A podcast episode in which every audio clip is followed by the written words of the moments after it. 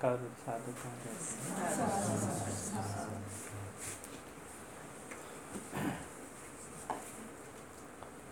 නමෝ තස්ස භගවතු වරහතු සම්මා සම්බුද්ධස්ස නමෝ තස්ස භගවතු වරහතු සම්මා සම්බුද්ධස්ස නමෝතස්ස භගවෙතු වරහතු සම්මා සම්බුද්දස්ස.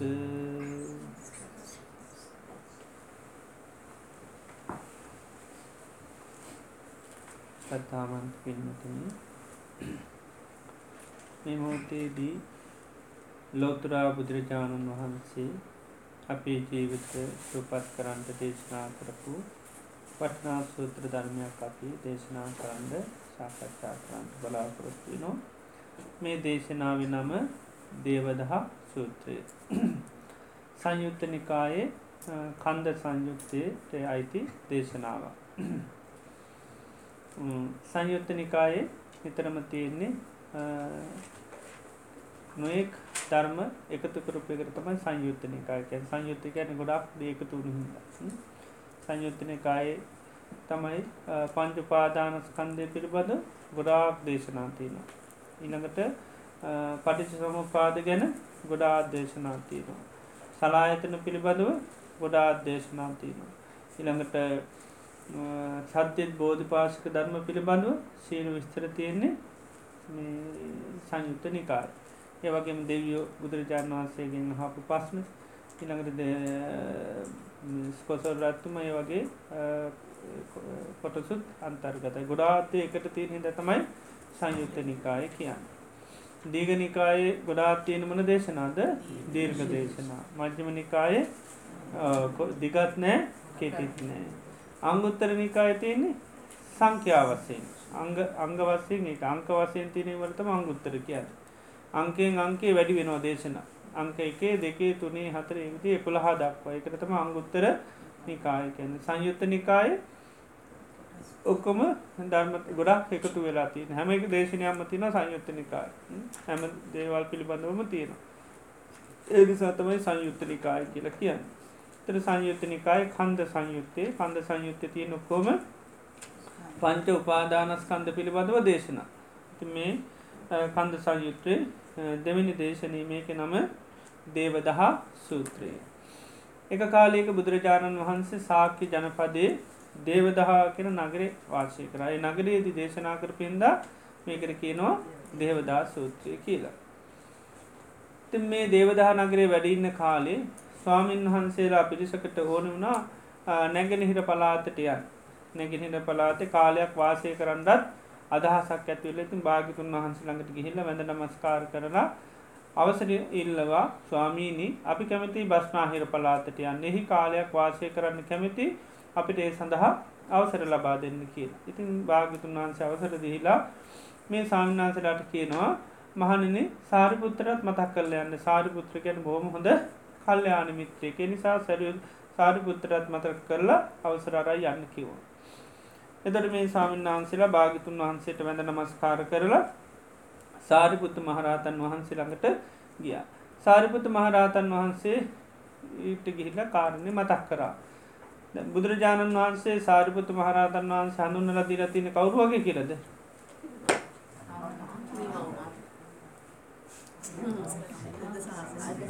අම්ම වගේ කියලා නේද.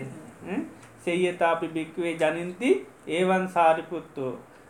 දරුවන් බිහි කරන අම්ම කෙනෙක් වගේ කියනවා. සාරිපුත්ත මහරතන් උන්වහන්සේ තමයි සෝතාපත්ති පලයට පත්වෙන්න අවවාද අනුශාසනා කරන්න කවුද? සාරිපුත්ත මහරතන් වහන්සේතට බුද්ධ ශාසනය පලවෙනි උපත වැනි සෝතාපත්ති පලයට පුහුණු වෙන්න අවවාද ගොඩාත් දෙන්නේ සුමී සාරිපුත් මහරතන් වහන්සේ. සම්ම වගේ කියල කියනවා. ඉනකට මුගලන් මහරතන් වහන්සේ කිරියම්ම වගේ. කිරියම්ම මොකක්ද කරන හද වැදපු දරුවා ඇති දැඩි කරන්නේ කිරියම්ම ආන්නේ වගේ සරිත්මා මුගලම් මහරතන් වහන්සේ උත්තමත්තේ විනේති.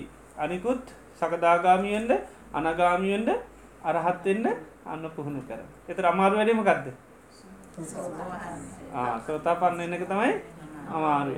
ඒකයි. ඒක සම පුහුණු කරන්නේ සැරුත් මහරතන් වහන්සේ. එතකොට මේ ස්වාමීන් වහන්සේ ලත් ඉතින් භාගතුන් වහස මතක් කරපු නිසා සරිත් මහරහතන් වහන්සේ ළඟට ගිහිල්ලා කාරණය මතක් කර. ස්වාමීනි අපි කැමති බස්නාහිට පලාතට යන්න. කාලයක් වාසය කරන්නත් කැමති භාගතුන් වහන්සේගෙමුත් අපි අවසර ගත්තා. ඉති ඒ වෙලාවේ සාරිපුත්ත මහරහතන් වහන්සේ මේ ස්වාමීන් වහන්සේලාට කියනවා ආශ්මතින ඔබහන්සේලෝ වගේ වෙනත් පලාතකට වෙනත් දේශයකට යනකොට පිට රටකට ගිහාම ඒ දේශවල ඒ පෙදේශවල වාසය කරනවා සස්ත්‍රය පණ්ඩිවරු බ්‍රාහ්මණ පණ්ඩිවිතුව ඊළඟට ගහපති පණඩු ගහපතිකර ගිහි ජීවිත ගත කරනයි. ළඟ සමන පණ්ඩිතා සමනයවන්න පැවිදි අයින්න වෙනත් ආගමික පැවිදි අයින්නවා පණ්ඩිතා හවුසෝ මනුසා වීමන්සකා සමහර මනුෂ්‍යයන් හරි නුවන තියෙනවා. වීමන්සකාකෙන් කරුණු විමසනවා. ඒ නිසා බහන්සේ ලොවගේ පිට පලාතකට ගිහ පහම එය ඇවිල්ල පස්නහන්න පුළන් කින්වාදී පනායස්මන්තානන් සත්තා කිමක්කායි? උබහන්සේලාගේ සාතුරුන් වහන්සේ කින්වාදි වාදයමකක්ද ඒ කාලෙම ආගම කියන එක මොකක්ද කියලා අහනකොට අහන්න වාදයමකක්දක වාදමකද වාද කරන එක තමයි ආගම. මකක්ද වාද කරන ඒ නිසා අහන්න පුළුවන් වාදයමකක්ද කිමක්කායේ මොකක්ද ඔබහන්සේලාගේ සාතුරුන් වහන්සේ කියන්නේ? මොකද ධර්මය හැටියට කියන්නේ? මේ විදිහට පස්නහන්ඩ පුළුවන් ඔබහන්සල දැන් පිට රටකට පිට ප්‍රදේශයකට වෙනත් ජනපතයකට ගිහම් ඒ විදිහේ පස්නයක් ඇනු ඇහුවත් උත්තර දෙන්න පුළුවන් දියට හොදට ධර්මය අහලා ඉගෙනගෙන තියානන්නවාද කියලා ඇහවා. යථභ්‍යාකරමාන උත්වාදිචය භගතුවස් ඔබහන්සේලා උත්තර දෙනකොට එක භාගතුන් වහන්සේ කීප එකක් වෙන්ඩෝනි මකද භාගිතුන් වහන්සේ කීප එකක් වෙන්ඩෝනි. ඉළඟට දම්මස්ස චානු දම්මන් ධර්මානුකූල වෙන්නත් ඕන. ඉළඟට කිසිම ආකාරය වාදවාක දේකට ලක්වෙන් හොඳ නෑ උත්තර දුන්නට පස වාද කරන වාදයට එන විදිහයට උත්තර දෙනවා. එතර ඒවගේ වාදවාදවලට යන්න විදිහේ උත්තර දෙන්න යන්න හොඳ නෑ. ඒවගේම භාගතුන් වහන්සේට ගරහා කරන්න හොඳර උන්වහන්සේ නොකිවවා කිව්ව කියලා දේශනා කරා කිවත්මක දෙන්නේ ගරිහ ලැබෙන කාටද බුදුරජාණන් වන්සේට ගරි හලබෙන්. ඒ නිසා භාගතුන් වහන්සේට විදිහ ගැරහිම් ලැබිය යුතු දෙයක් වෙන්න පයිනසා නිතරම ධර්මානුකුල් උන්හස කියපු දෙයක්ම කියන්නඩෝට ඒ විදිහේ උත්තරයක් දුන්නොත් ඔබහන්සේලා ඉගෙනගෙන තියෙනවාද උත්තර දෙන්න කියලා මේ ස්වාමීන් වහන්සේලාකින් ඇහවා. ඒ පස්නයමකක්ද අනිත් අය ඇවිල් හන පුළන් බුදුරජාණන් වහන්සේ මොකක්ද ධර්ම හැටියට දේශනා කනද කාලෙකත්තොත් බුද්ධාගම කියන්න මොකක්ද කියලා අහන්ඩ පුළුවන්. ඒකයි. එතට එහෙම ඇහුවත් පිළිතුර දෙන්න පුළුවන් ධර්මයක් ඉගෙන ගෙන තියෙනවාද.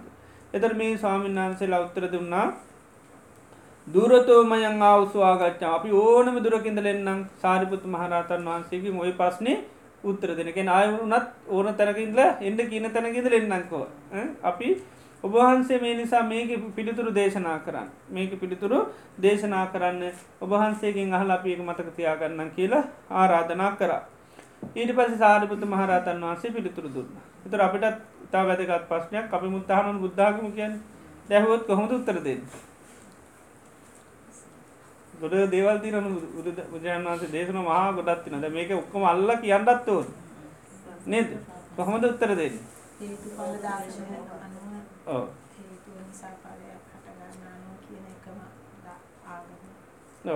හේතුඵල දහම කියන්න පුළන් තව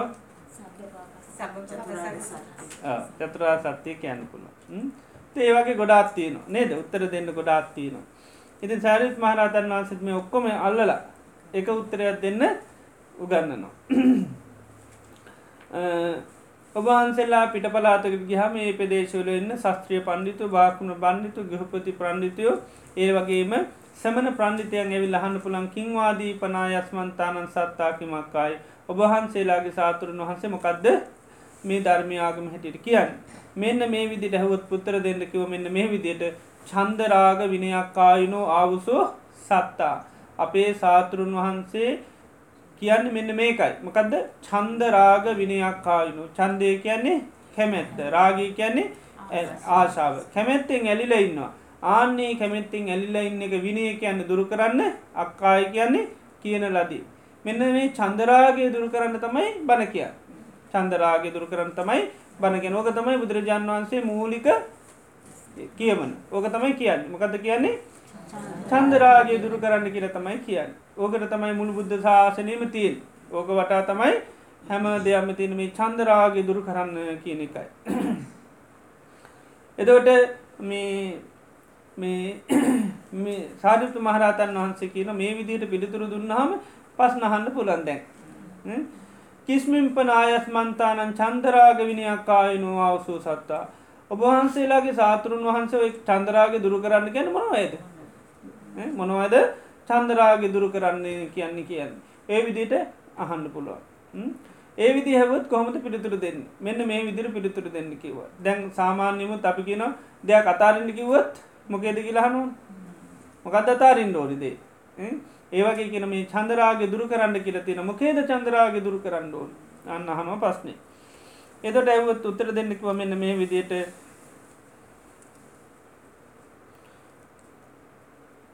රූපේකෝ ආවුසෝ චන්දරාග විනයක් කායනු අවස සත අපේ සාතුරුන් වහන්සේ මේ රූපේ චන්දරාගි දුරු කරන්නයි කියන්න. මකෙද? රූපේ. වේදනාවේ චන්දරාගි දුරු කරන්නයි කියන්න. සංඥාවේ චන්දරාගේ දුරු කරන්නයි කියන්නේ. සංස්කාරවල චන්දරාගේ දුරු කරන්නයි කියන්නේ. විඤ්ඥානී චන්දරාගේ දුරු කරන්නයි කියන්න. එතර රූප වේදනා සංඥා සංකාර විඤ්ඥාන මේ පංචුපාදානස්කන්දය චන්දරාගේ දුරු කරන්න කියල තමයි කියන්න. එතවට දැන් මේ රූප වේදනා සංඥා සංකාර විඤ්ඥානි කියන මොක මොකක්දේ ඒක තමයි දුක.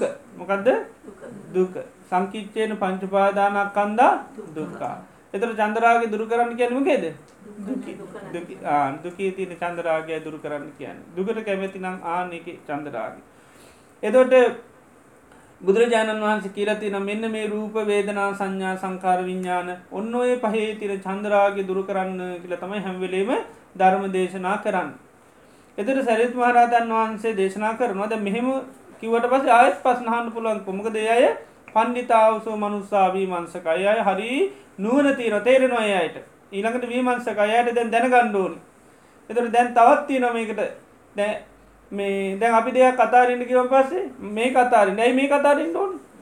ඒතුවත් තියන්න පැනැතුවතරින්න ඕනේ නෑ එතොර කියනවා කිම්පනායස්මන්තානං ආදීනුවන්දි සම්බන ආදීනුවත් දැකලද ඔබහන්සේලාගේ සාතුරුන් වහන්සේ ඔය රූපේ චන්ද්‍රාගේ දුරු කරන්න කියන්න.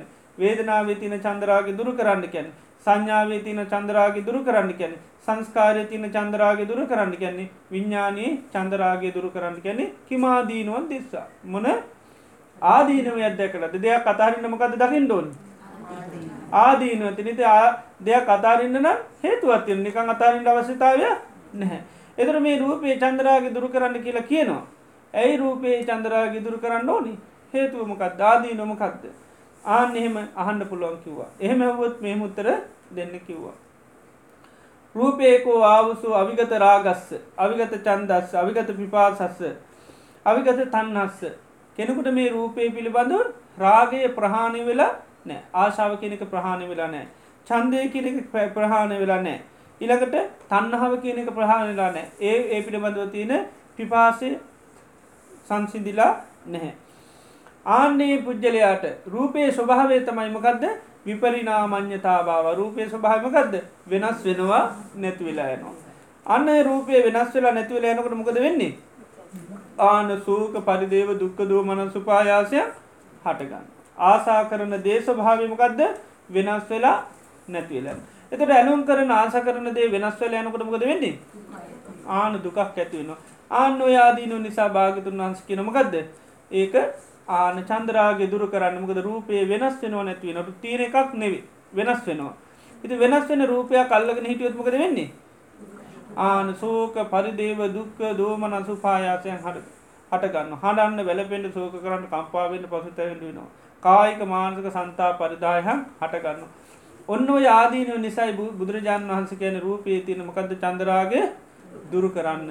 රූපය පිළිබඳ ආසාාවක් කැමැත්තස් තියෙනවානම් තන්නාවක් පිපාශයක් තියෙනවන රූපය ස්භාවය හැබැයිමකක්ද විපරිනාම අන්‍යතා භාව එක වෙනස් වෙනවා නැතිවෙලායන ආන්නේ වෙනස් වෙන නැතිවල යනකොටමකද වෙන්නේ? සෝක පරිදේව දුක් දුම්න්න සටකන්න ඔන්න ඔය හේතුව නිසයි බුදුරජාන් වන්සේ රූපය චන්දරාගේ දුරු කරන්න කියන්න. ඒවගේම වේදනාවත්මකක්ද වේදනාවත් අර වගේ කැමැත්තක් කාසාවත් අන්නහාවත් පිපාශයක් තියෙනවන වේදනාව ස්වභාවයත් වෙනස් වෙලා නැතිවෙලා යන. එතර වේදන නැත්වෙලා යනකොටමකද වෙන්නේ ඒත් හටගන්නමකක්ද ශෝක පරිදේව දුක්ක දූමනන් සුපායාසයන් හඩන්න වැලපෙන්ට සෝක කරන්න කම්පා වෙන පසු තැවෙන වෙනවා. අන්නේ වේදනා පිළිබඳව තියෙන චන්දරාගය දුරු කරන්න ගැන ආනුය හේතු නිසා කියන. ඒවගේම සංඥාව පිළිබඳවත් ආසාාව කැමැත්ත සැනිවස තීර කෙනට සංඥා හඳුනාගත්ත දේවල් වේ හඳුනාගත්ත දේවල් වෙනස් වෙලා නැතිවල යනකරමකද වෙන්නේ සෝක පරිදේව දුක්තුම්න සටගන ආනේ නිසා ඒ සංඥාවේ තින ආසාාවයින් කරන්න කැන එක චන්දරාග දුරු කරන්න කියනවා.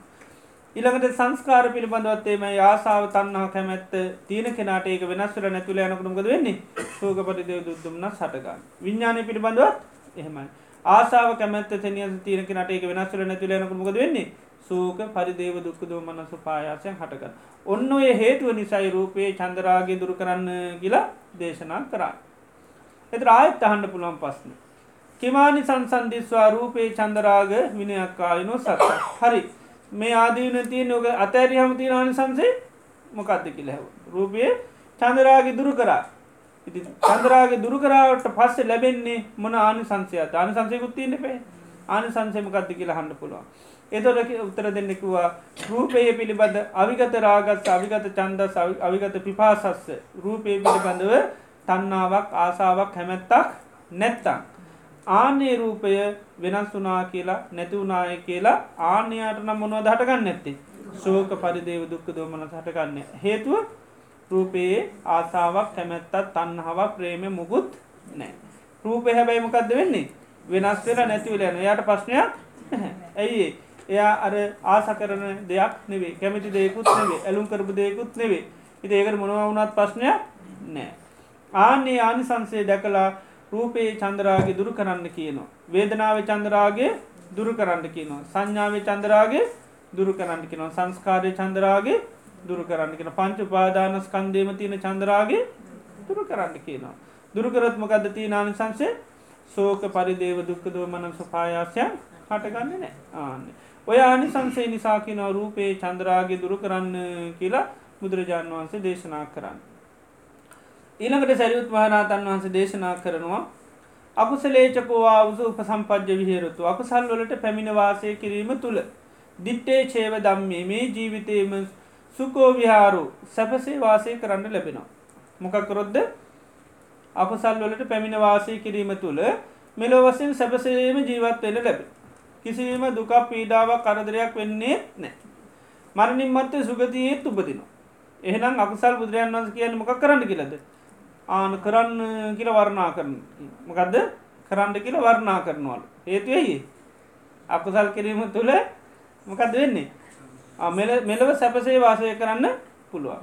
දුක් පීඩා කරද ප්‍රශ්න මුකුත් සිත්තවල් මුකුත් වෙන්නේ නෑ මරණින් මත්තේ සුගතියත් යනවා. එහෙමනම් භාගතුන් වන්ස කියන්න මොකක්ද අපසල් වලට පැමිණ වාසය කරන්න කියලා වර්ණා කරනවා. හැබැයි වෙන්න මකක්ද අකුසල් වලින්? අකුසල් වලින් සිද්ධ වෙන්නේ මෙලෝ වසෙන් අකුසල් වලට පැමිණ වාසය කරොත් දුක් විපාක හැදෙනවා. ඊළඟට මෙලො වසෙන් දුගසේ වාසය කරන්න ලැබෙනවා. ඊළඟට දුක් පීඩා කරදර පස් නැතිවෙනවා මරණින් මත්තේ දුගතියත් උපදිනවා. ආනේ නිසා කියන භාගතුන් වන්ස කියන්නමකක්ද අකුසල් ප්‍රහාණය කරන්න කියල වර්ණා කරනවා කියන අර වර්ණාව කරන්නේ නෑ වර්ණා කරන්නම ගදද ප්‍රහාණය කරන්න කියල වර්ණා කරන. ඇයි හේතුව?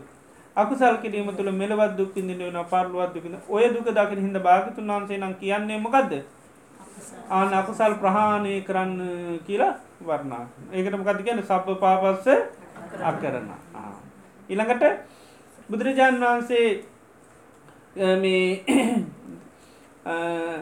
මේ කුසල් වලට පැමිණ වාසය කිරීම තුළ කෙනෙ කුසල් කරනවා. මෙලෝ වසයෙන්ම දුක්මයිතිය ඊළඟට පීඩා කාරී ස්වභාවයන් පසුතැවින් කම්පන වුවමයි හටගන්නේ. මරණින් මත්තේ අපායත් උබදිනවා. එහෙනම් කුසල් කරන්න කියලා වර්ණා කරන්නේ නැහැ. කුසල්කරොත් වෙන්නමකද මෙලොවත් දුක හැදෙනවා පරලුවත් දුක හැදෙනවා අපායත් යනවා එහෙනම් කුසල් කරන්න කියලා කියටවත් කියන්නේ නෑ. නමුත් කුසල් කිරීමේ වෙන්නමකක්ද. මෙලවත් සැපසේ ජීවත්වන්න පුළන් සුකෝ විහාරෝ සැපසේ වාසය කරන්න පුළුවන්. දුක්කාරදර පීඩා පස් නොවයින් නිදහස් වෙන්න පුළුවන්. ඊට පස්සේ මරින් මත්තක හොදයන්නේ. සුගතියන්නේ ආනේ නිසා වර්ණා කරනවා කොච්චරවත් කුසල් කරන්න කියලා. ඒකයි කුසලස්ස උපසම්පදා කියලා කියන කුසල් කරන්න කරට කොච්චරවත් මේවා කරනවා කියන. එදවට සාරිපුත මහරහතන් වහස මෙන්න මේ විදියට බුද්ධ ශාසනය කියන කිතාම කෙටිය කිව්ව. කෙටියෙන්කුව ගාතාවක් වසෙන් කිවොත්මකක්ද සප පාපස්ස අකරනම් කුසලස්ස සෝම්පදා සචිත්ත පරියෝද ඒතා පොඩ්ඩක් වෙනස මේක අන්තිමේට සචිත්ත පරියෝ දපනන් කියන ඉතේ නිසා ඒකම තමයි මේ අනි පැත්තට කියලතින්. එතර බුද්ධ ශාසනය කියන අපි කෙටියෙන් කාට අරකිවොත්මකක්ද චන්දරාගය දුරු කරන්න. චන්දරාගේ දුරු කරන්න. එතොට චන්දරාගේ දුරු කරන්න කිවත් මොකේ දුරු කරන්න කියන්නේ රූප වේදනා සංඥා සංකාර විඤ්ඥාන. එතර මේ පංච පාදානස්කන්ද තමයි මුළු ලෝකෙම හැම තැනම අපිට තිීන් පංචු පාදානස්කන්දයට තමයි මේ ඔක්කෝම අන්තර්ගතයි ලෝක තියෙන හැම දෙයක්ම පංචුපාදානස්කන්දයට අර්ථය. එතොට මේ පංචුපාදානස්කන්දය තමයි චන්දරාගේ දුරු කරන්න කියලා කියන්න. එතොට පංචුපාදානස්කන්දේ චන්දරාගේ දුරුකිරමට හේතු ඇයි පංචුපාදානස්කන්දය ස්වභාවිමකක්ද විපරිනාම අන්‍යතා භාව වෙනස් වෙලා නැත්වෙල යනවා. ආනේ හේතුව නිසා චන්දරාගේ දුරු කරන්න කියනු. එතොට ඒක දුරුකිරීමෙන් ලැබෙන ආනි සංසේ තමයි අන්න පංචපාදානස්කන්දය පිළිබඳ චන්දරාගයක් නැතිනම් එයාට මේක පිළිබඳව දුක හටගන්න නෑ වෙනස් වුනාට ගැටලුවන්න ඇයි එයාට වෙනස්වෙනි තමා අල්ලගත්ත දෙයක් නෑ නෙවේ ඒ නිසා ගැටලුවක් නෑ ඔන්න ඔය ඕක තමයි බුද්ධ ශාසන අනි පැත්තෙන් කියනවා මකදද? භාගතුන් වහන්සේ කොච්චරවත් කියන්න මකක්ද කුසල් වඩන්න අකුසල් ප්‍රහණයකන් හේතුව තමයි අකුසල් කිරීම තුළ මෙලෝ වසින් සැපසේ ජීවත්වෙන්න ලැබෙන්නේ. මරණින් මත්ති දුගතියන වන්න ඔය හේතුව නිසා භාගිතුන් වන්සිකනා අකුසල් කරන්න එපා. ආනක අකුසල් කරන්න එපා කිය නොමක දකුසකල කරත් වෙන්නේ දුගතිය උපදින සුගතියක උපදින්නේ නෑ මෙලෝ වසිනුත් දුක් ලැබෙන කුසල් කිරීම තුළ ලැබෙනමකක්ද මෙලවස් සැපසේ ඉන්න ලැබෙනවා පල්ලුවස් සැපසේ ඉන්න ලැබෙන ආන්‍ය නිසා කුසල් කරන්න කියන. එතර බුදු ශාසනය කෙටියෙන් හඳුන ගන්න පුළන් බුදු ශාසනය කැන මේ චන්දරාගය කැමැත්ත ආසාාව කියන එක දුරුකිරීම තමයි බුද්ධ ශාසනය කියන්නේ. පරක් බුදුරජාණන් වහන්සේ ළඟට එනවා බද්‍රක කියලා ගම්පදහනය ගමක නායකෙක් කෙනවා. ඒ ගම් නායක ඇවිල බුදුරජාණන් වහන්සේකින් අහනවා භාගතුන් වහන්ස මට කියල දෙන්න මේ දුක හටගන්න කොහොමදකි දුක දුක සහ දුක හටගන්න කොහොමද කියලා කියල දෙන්න කිව. එදර බුදුරජාණන් වහන්සේ මෙයාට කියනවා දේශනා කරනවා බද්‍රක මම ඔබට දුක හටගන්න මෙහෙමයි කියලම අතීතය මුල් කරගෙන කිව්වොත් ඔබට සැක ඇතිවෙන්න පුළන් හේතුව? අතීතය හිටියද නැතිකට තාම දන්න ඒක හරි දන්න අතීත හිටියද නැති කියලා. එනි අතීතය මුල් කරගෙන දුක හටගන්නවා කිවත් ඔබට සැක ඇතිවෙන්න පුළුවන්. ඉළඟ රනාගතය දුක හටගන්න මෙහෙමයි කිවත් ඒත් සැකයි ඇයි අනාගත උපදින නැද්ද දන්නේ නෑ ඒ නිසා මම ඔබට මේ මොහොතේ මේ දුක හටගන්න මෙහෙමයි කියලා කියල දෙන්නම් කිව් බුදුරන් වන්සේ මම ඔබගෙන් මේ ගැන පස්නහන්න ඔබට දැනතේරෙන විදියට උත්තරදේ. බුදුරජාන් වන්සේ ඇව දැ ඔබ ඉන්න ගමේ ගමේ නම උරුවේල කප්ප. මේ උරුවේල කප්ප මිනිස්සු ගොඩාක් ඉන්න. ගොඩක් මිනිස්සු ඉන්නවා. මේ මිනිස්සු අතර සමහරයට හටගන්නවා ජීවිතහානි දනහානි හිරේ විලංගුව ලගින්න නොයෙක් විපත්ති ඇතිවෙන. ඒ විදිේ ගමේ ඉන්න කොටසකට ඒවගේ විපත්ති ඇතිවෙනකොට ඔබ හඬනවාද වැලපෙනවද කම්පාවෙන ඔබට දුක ඇතිවෙනවද කිලවා. එතරකු එහමයි ස්වාමීණි ගමේ ඒ වගේ පස්න කරදර මිනිසුන්ට ඇතුනා මමත් හඬනවා වැලපෙනවා කම්පාවෙනවා දුක හිතෙනවා. මම මට ඒ වගේ මිනිස්සුන්ට දුක් ඇතුන මටත් ඒ වේදනාව ඇතින ම දුක් විදන මත් ඒ වෙලා ගන්නවා වැලපෙනව කම්පාවන ම දුකින් ඉන්නේ. එහෙම කොටසම් මේ ගමේ ඉන්නවා කිව්වා ඒවගේ ඔය ගමේ ඉන්නවාද කියල හැම අර වගේම පස්න ඇති වෙනවා ඒවගේම දුක් ඇති වෙනවා හැබැයි ඔබට දුක් ඇතිවෙන් නැති පිරිසකුත් ඉන්නවාද කියලවා එදරක එහෙමයි ස්වාමිනි ගමේ සමහරයට එහම කරදරුණයි කියල ම ඒවා එක්ක නන්නේ වැල පෙන්නේ කටගාටු වෙන්නේ නැහැ. ඒවට ම ඒව මට පස්්නයන්න යට මුණ වනත් මට ගැඩලුවක් නැහැ. එයයි උන්නත් එකයි මලත් එක අපිට ගානක් නෑ. ඒ ගැන වැඩිය තැකීමක් නෑ. තර බුදුරජාණන් වන්සේව එකම ගම එකම මිනිස්සු එකම පස්න. හැබැයි ඔබ කොටසකට වෙන කොට ඔබ ගොඩා දුක්කින කොටසගෙන ඔබට පස්්නයක් නෑ මොකද කියලා ඔබට හේතු. එයාගේ මෙව හේතුවයි එදරගත් ස්වාමීනි මේ ගමේ මම කැමති අය ඉන්නවා. කැමති අයට පස්නාවත්තමයි ආන දුක. අකමැති අයට මොනවා වනත් ආනකයි මොන වනත් ගැඩ්ඩුවත් නෑ කිව්වා. එනම් දුක්විදින්නේ මොකක් නිසාද? කැමැත්ත නිසා. එනම් බුදුරජාණන්සකිවා එහෙනම් ඔබ අවබෝධ කරගන්න යං කිසි දුගක් විඳිනවන එක සබ්බන්තන් චන්ද නිදහනම් චන්ද මූලකන් චන්දෝහි මූලන් දුක්කත්ස යමත් දුක ගන්න යෝක මුලමකක්ද කැමැත්ත. හේතුවමකක්ද කැමැත්ත. චන්දෝයි මූලන් දුක්කසමී දුකේ මුල තමයි මකක්ද කැමැත්ත. ආන කැමැත්ත නිසා තමයි දුක්විනින්නේ. ඒනන් දැඟ ඔබ අතීතයට යන්න පුළන් ඔන්න අතීතේ දුක්විඳල තියන විදර තිීමගෙන්ද ඒකත් කැමැත්ත නිසා. චන්ද මුල්ලකන් චන්ද නිධානන් චන්දුවයි මූලන් දුක්ක අතීතයේ දුක්විින්දනම් ඔබ හිතන්න ඒකෙත් වින්දේ මොකක් නිසාද? ආන චන්දය නිසා. ඔන්න අනාගතට දාන්න පුළන්ද අනාගතය දුක්විදින නිදිනවා නිසාද? ඒ ඔබ බලන්නෙක්ව මේ කරන් අනාගතට දාලා බලකුව දැන්තේරුණ දුක්විදින මොක් නිසාද? චන්දේ නම් අනාගතය දුක්විදින නම් ඔය චන්ද නිධානන් චන්ද මූලකන් චන්දෝහි මූලන් දුක්කස දුකේ මුල තමයි කැමැත චන්ද හේතු කරගෙන චන්දය මුල් කර මේ දුකේ මුල කැමැත් ආන එකයි සැරුත් මහරහතන් වහන්සේ අන බුදුරජාණන් වහන්සේ මුල ගලවන්ඩයි කියන්න. මුල් ගලවන්න ඇතු පුළොන්ද මුල ගලවන්න තම බුදුරජාණන් වහන්සේ අනුශාසනාව. ඒකයි චන්දරාග විනියක්කායුනෝ ආවුසූ සත්තා කියන්නේ. භාගිතුන් වහන්සේ ධර්මය දේශනා කළ තිනීම ගේටද චන්දරාගේ දුරු කරන්න. එතුර අපි දුක්විඳින්නේ මකක් නිසාද? චන්දරාගේ නිසාම කැමැත්ත නිසා තමයි දුක්විඳින්නේ හැම දේකන කොහෙන් ගැත් යන්නමකක්ද කැරකිල යන්නේ කොහෙට්ටද කැමැත්තට යන්න. කැමැත්ත නිසා තමයි දුක්විදින කවුරුත් අකමැති නිසා දුක්විදිනවා නොවේ ඔක්කොම කැමැත්තෙන් විඳින්න. නේද? දුකට කවුරුත්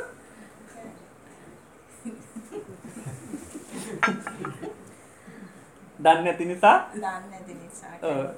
වෙලාති මේකයි දුක දන්නේ නෑ. දුක දන්නෙත් නෑ. දුක හටගන්න කොමද කියලා දන්නෙත් නෑ. ඒ නිසයි කැමති නැත්තන් කැමති දුක කියන දේ අපි කැමති නෑ. නමුත් දුක කියන්නේ මොකක්ද දන්න ඇති හිද තමයි ගැටලුව. දැම් පංචු පාදානස්කන්දය කවුද? දුක. ඒවනට කවුද නේද? දුක තමයි. ඒවනට කවුද? මම. ඉති මම තියාගෙන දුකින් නිදස් වෙන්න පුළුවන්ද? ආනකයි එක තමයි ගැටලුව. දුක තේරෙන කවුරු හැටිල්ද මම හැටිය එදවට ඒකයි කියෙන ගැටලුව. අපට දුක දුක හැටියට තේරෙන්නේ නැහැ. ඉති ඒ නිසා තමයි පස්්න තියෙන්නේ. ඉති එතෝට මේ දුක විඳින්නේම කැමැත්ත නිසා එතොට අපි සැල්ලත් කිව මේ කැමැත්ත කොහෙද පජංචිලා තියෙන්නේ? ආන රූප වේදනා සංඥා සංකාර තුළ තමයි තියෙන සති පට්ටාන පුතුත්‍රි කැන සාකෝපනේසා තන්නා කත්ත උපජමානා උපජ්ජති කත නිවිශමානා නිවිස්සති. ඒ මේ පංචපාදානස්කන්දය තුළ තමයි මේ කැමැත්ත ආන පජංචු වෙලා තියෙන්නේ. මේක හරි ප්‍රියයි. මේකමකක්ද ප්‍රියරූපං ප්‍රිය ස්වභාව යුත්ත දෙයම් ඊළඟ සාතරූප මිහිරි ස්වභාවෙන් යුත්තේ කමකද රූපය වේදනාව සංඥාව සංකාර විඤ්ඥාන. ඒ පියවැසයෙන් දැක්ක හිද තමයි කැමති ලති මොකක් හැටිට දැක් හිදද ආන ප්‍රියවස්සේ මනාප හැටියට දැක්කා.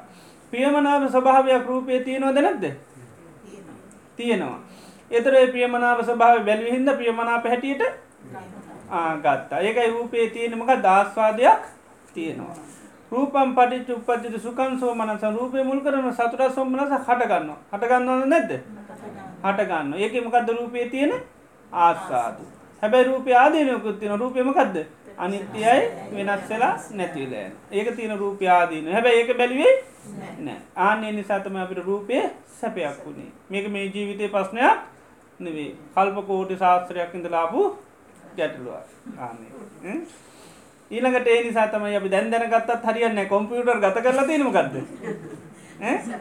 සැපයි සැපයි කිය ඒ නිසා ඒක එහෙම ඩිලේ වෙන්න ඒක අන්න එකයි ඒක ඇතුළේ දාගත්ත එක ඒක ඇතුළේ දාගත්ත පරණ ගතියක්. ඒක හිමීට එක පා ටයිම් වෙන්නේ නෑ දැන් දන්නවා රූපය කියනම ගත්ද ඕ අනිත්‍යය දුකයි කියලා තේරෙනවා. හැබැයි දාගෙන තියෙනම ගත්ද ඒක තම එන්නේ ඒක තමයි එන්නේ ඇයි එහෙම එන්නේ? මේක අනාත්මයි. මේක මගේ නවේ මගේ නම් රූපය මට මං කැමතින අයින් කර. ලේසිනේ. මගේ නම් මගේ නම් දැම්ම මේක හිදන වැන්ද විඳ දුක්. එහනම් මොකද කරන්තින් රූපයන් කළ දැම්ම ඉතා ඉක්මනින් පුළුවන් ආත්මයක් තිබුණනා අයිතිනම් තියාගණ්ඩක් පුළන් අයිති නැත්තා අයින් කරන්න පුළන් ආත්මය කියනමකක්ද පාලනය කරන්න පුළුවන්. දැන් තේරෙනවා රූපය දුක එහනම් මොකද කරන්තින්නේ ඕ නෑ ආත්මය කැටිට දකිනවන මොකක්ද කරන්ති? අයි කර දාන්ට ඇති හැබ එම කරන්න බෑ. ආනක එහෙම දැනගත්තයි කියලා අයින් කර ගන්න විදිහ නෑ. අයින් කරන්න නම් ආයමකද කරන්න ඕනි? අනි පැත්තෙන් ආනාදීනුව දාගණ්ඩ ඕනි. ඉති ඒක කාලයක් කන ආදීනුව ඇතු ලාන්තෙට ගිහිල්ල මෝර ලෙන්ඩෝ එතකන් දාණ්ඩ වෙන නැතුව දැනගත් පමිණින් පුළුවන්කමක් නෑ. දැනගත්ත පලින් පුළුවන් ආත්මයක් තිබුණ නම් මට දැන් එපා එනිසා මම මේක අයින් කරන එක ඒවම්ම ඒ හෝතු ඒවම අහෝසි මෙහෙම වෙන්න මෙහෙම වෙන්න එපා කියන්න වෙන්ඩත් කියන්න බෑ එපා කියන්නත් බැහැ හේතු නිසා හටගන්නවා හේතු නැතිීමේ නැතිවෙනවා. ඉති එනිසා අන්න පංචපාදානස්කන්දය පිළිබඳව අපිට එහෙම කරන්න හැකියාව නැ මේක ඒකයි දුකක් ඒවනට අපි බලපුක මේ වැරද්දත්තම දැන් තියෙන්නේ. තින් දෙයක් ඕනි දේක බලන විදියට ඒක පේනවා ඒක ලෝක ස්වභාවයක්. ඉති අපි සංසාර පුරාවටම බලලාවිමකක්ද මේක තින ආස්වාදය බල බල බල බලාව ඒ නිසා දැන් පේනවා ආස්වාදය හොඳට දැන් බුදුරජාන් වන්සේ පෙන්න්න නොමකක්ද ආදීනු. ඇහුවනි ඇයි රූපයේ මේ ආදීනුව මකද රූපය දුරු කරන්න හේතුව. රූපය දුරු කරන්න හේතුව මකක්ද කියලැවවා එතොර තමයි රූපය ස්වභාවමකක්ද. විපරිනාම අන්‍යතා භාව රූපය කියන්නේ වෙනස් වෙනවා නැතිවෙල යන ආන්නේ වෙනස්වීමට අපිමකක්ද පත්වෙන්නේ. සෝක පරිදේව දුක්ක දෝමනසු පායාසයන් හටක ඔන්න යාදීනු නිසයි භාගතුන් වන්සිකන රූපය ආන අයින් කරන්න කියනවා. එතට අන්න රූපේ තින ආදීනෝ පැත දැන් බලන්න එතකට තමයි රූපේර තියනමකක්ද නැතිවෙන්නේ කැමැත්ත නැතිවෙන රාගය ආසාාව තන්නාව ප්‍රේමය ඔක්කොමටික නැතිවිලායනවා. ආනඒක ප්‍රහණය වුණු කෙනෙකුටමකද වෙන්නේ? රූපය වෙනස් වෙනවා. තොට යට ප්‍රශ්නයක් නෑ රහතන් වහන්සේගේ රූපේ දිරල යනවා වෙනස් නොනුවෙක් විදිට පත්තර උන්හන්සර ප්‍රශ්නයක් ඇයි ආන උන්වහන්සේගේ චන්දරාගය දුරු කරලා තියන්නේ. රහතන් වහන්සේලාගෙත් වේදනාව වෙනස් උන්වහන්සේලාට ප්‍රශ්නයක් නැහැ. රහතන් වහන්සේලත් හඳුනාගෙන ඉන්න රූප සද්ධ ගන්ධ රස ස්පර්ශ දේවල් පුද්ගලෝ වශයෙන් හඳුනා ඉන්නවා. නමුත් ඒවත් වෙනස් වෙනකොට උන්වහන්සේලාට ප්‍රශ්නයක් නෑ. තථාගතයන් වහන්සේ මේ පින්වම් පෑවත් ප්‍රශ්නයක් නෑ කියලා සරුත් මහ රහතන් වහන්සේ කියනවා. තථාගතයන් වහන්සේ පින්වම් පෑව කියලා ආය දුක් වෙන්නේ නෑ. ආනෙක. ඇයි? ආ ස්වභාවය දන්න. ඒ නිසා ප්‍රශ්නයක් නැහැ. නමුත් මෙහෙම හිතනවා තථාගතයන් වහන්සේ වගේ කෙනෙක් ලෝකෙ ඉන්නවනම් මිනිසුන්ට හොඳයි. එහෙම හිතන වෙරෙන්න දුකක් නැහැ. ආ මොකද ඒ උන්වහන්සේලා ස්වභාව රූපේ තියෙන ස්වභාවය හඳුනාගෙන තියෙන. ඒ නිසා හඳුනාගත්ත නිසා ඒක වෙනස් වුණායි කියලා හඬන්න වැළපෙන්නේ නැහැ. ඉතින් යන්න ඒකයි උන්වහන්සේලාට ඒ තථාගතයන් වහන්සේ පිළිබඳව චන්ද්‍රාගයක් නැහැ. චන්ද්‍රාගයක් නැහැ. ඉතින් ඒ නිසා ගැටලුවක් උන්වහන්සේලාට එන්නේ නැහැ. ඉති මෙන්න මේ අපිට වෙලා තියන්න අර රූපය ඇත්තර මාස්වාදයක් තියනවා. ආනු ආස්වාදය පමණයි බැලුවේ. ඒනි සමකද වුණේ අර දුක දේ අපිට මොකක් දුනේ මගේ වුණා. දුකදේ සැපක් වුණා. ඒක දුකක් වුණේම නැහැ. වෙනස් වෙන දේ වෙනස් වෙන දෙයක් හැටියටනුවේ නිත්‍ය දෙයක් හැටියට දැක්තා ඉති ඒ බලපු ක්‍රමේ වැරැද්ද තිය එතට බලල තියෙන තියෙන පොඩි දෙයක් බැලුව. ඒක ලොකුවට දැන් පේන්ට පටන් ගත්ත ලොකුවට පේනවා බලන්න බලන්න මොකද වෙන්නේ හැම පැත්තෙන් මේකම පේන්න පටන් ගත්ත අනිත් පැත්ත බලන්ඩ කැමති නැහැ. එනිසා පැත්ත පෙනුනෙම නෑ ආනික සාමාන්‍ය ලෝක මිනිස්සු ඒකට කැමැතිම නෑ. මිනිස්සුන්ට ඕනිම මොකක්ද. ආස්වාදය කියන වැරෙන්ට ආදීනෝ කතාව නම් කොහොමත් එපා. කියන්න ඕනිමකක්ද. ආස්වාදය නැතුනත් ආස්වාදය කියන්න. ඉතිේ නිසා මෙන්න මේ ආස්වාදය කතා කරන නිසා හැම්ම දේකම පේනමකක්ද ආස්වාදය. ඔය ආස්වාදය නිසාතම හැම දේටම අපි ඇත්තෙම මොකද තියෙනෙ කැමැත්තත් තියෙන ඒක පංචුපාදානස්කන්දය ඉතරන්නෙවේ ලෝකයේ චූටි කියලා හෝ අකුසල ඇත්ති නොව ඔක්කෝටම තියෙනමකක්ද කැමැත්තා දෙයක් කරනවනන් ලෝක කරන්නමකක් නිසාද? කැමැත්ත. නිසා. දැ හොරකං කරන මිනිසු මකේට දොරකං කරන්නේ? දුක්කිින්ද සැපින්ද සැපයිදින්න එතර හොරකමේ තියෙන සැපාද දුකක්ද? දුකක්. ඉති අන්න බලවකමේ වැරැද්ද. දා හොරක මේ ආනිසංස දැක්කොත් පේනමකක්ද සැප හැටිට පේනවා. ඒක ආදීනෝ දැක්කොත් දුක පේනවා. දෑ මේ අයට පේනමකක් හැටිටද හෙට කෝටියක් තින ගන්න යන්න කතා කරනවා. කැමති දෙයන්ද ඇයි කෝටියක් ගත්ත හොඳයි? යටට අන්ඩ ඔන්න නටිද ඒක අපිට සැපක් පේන්නේ නෑ ආන ඒක සැපක් පේන්නේ ඒක දුක ආනෙ අපිට පේන්නේ කෝටියක් හොරකං කරගත්ත කරන්න තියෙන දේවල් නෙවේ විඳවන්ට තියෙන විඳවිල්ල. නතර කෝටියේ ගන්නවා කියන එක ආසාධයකුත් තියෙන ආදීනයකුත්තින අපිට පේනම කක්ද ආදීනුව පේනකොට ඒක ආස්වාදය පේන්නේ නෑ. ඒක හරිට කේ කෑල්ලකට වස දැම්මවද කේ කැල්ලට වස දැම්මාවගේ රස නැතිවෙනවද කේ කැල්ලට වස දැම්මාව රස නැතිවෙනවද රස නැතිවෙනවද නෑ රස තියෙනවා. බල සම්පන්නදේ වසද විසද? රසද විසද? විස්. විස. හැබැයි මොකක්ද බල සම්පන්නන කතා කරන දේද? නැති දේද? අපිගෙන වහ දාලාතින් හැබ වර්ණා කරන්න රස විතර එතර පේනිමකක්ද රස. පේ එතර බලවුවත් ඒ විදිහට කොච්චර වස තිබත් පේනමකක්ද රස. තමයි පේ ඔය වගේ තමයි අකුසල ආදීනිවත් තියනවා. ආස්වාදයකුත් තියනවා. හැබැයි පෙන්නන දේ පේන්න පටන් ගන්න බලන දේ පේන්න පටන් ගන්න වර්ණාකොරොත් මේ ආස්වාද ආස්වාදය තමයි පේන ආදීනව පේන්නේ නැහැ. අපිට පොඩිකාල ඉඳල මොකක්ද ලැබුණේ? ආදීන හොරකමිමුණෝ දෙහවුණේ ආදීන අඩු කඩනුව කි නම්බල නේද? ගෙදර තියෙන දෙව කෑවත් ඒම කියනවා. එතර පොඩිකාලල ගෙදරවත් තොරෙන් කණ්ඩ තාන ඉල්ලල කාපල්ලා හොරෙන් කණ්ඩ තාන එත හොර හිත කියන එකමකද කරන්නේ?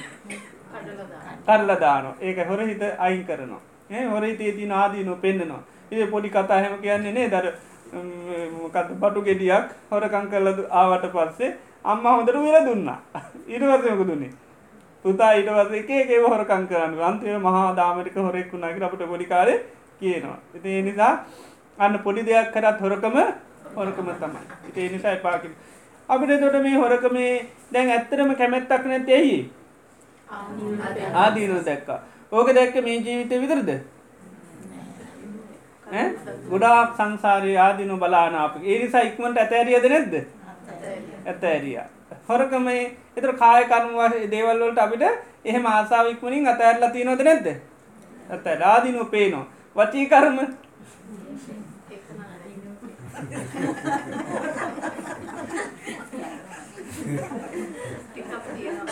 මුසාවාදය තියෙනවා. අනිත්තය වගේ අඩුයි. නේද? අනිත්තය වගේ අඩුයි. ඇයි ඒවා තාම ආස්වාද වසේ පේනවා. එතර අපි නිකං අනම් මනං කතා කරන්න මොකටද ආස්වාදයකට නේද?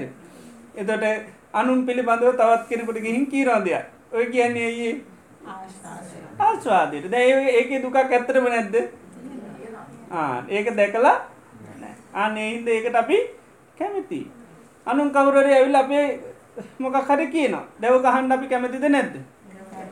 ඇත්තට මේකත් දුකක් නෙවෙද දුක ඇබැයි ඒ දුක තාම දුක හැටිට තේරලා නෑ. ඒක තාම පේනුමකක්ද ආස්ථාදය හොරකම හැබැයි පේනවා.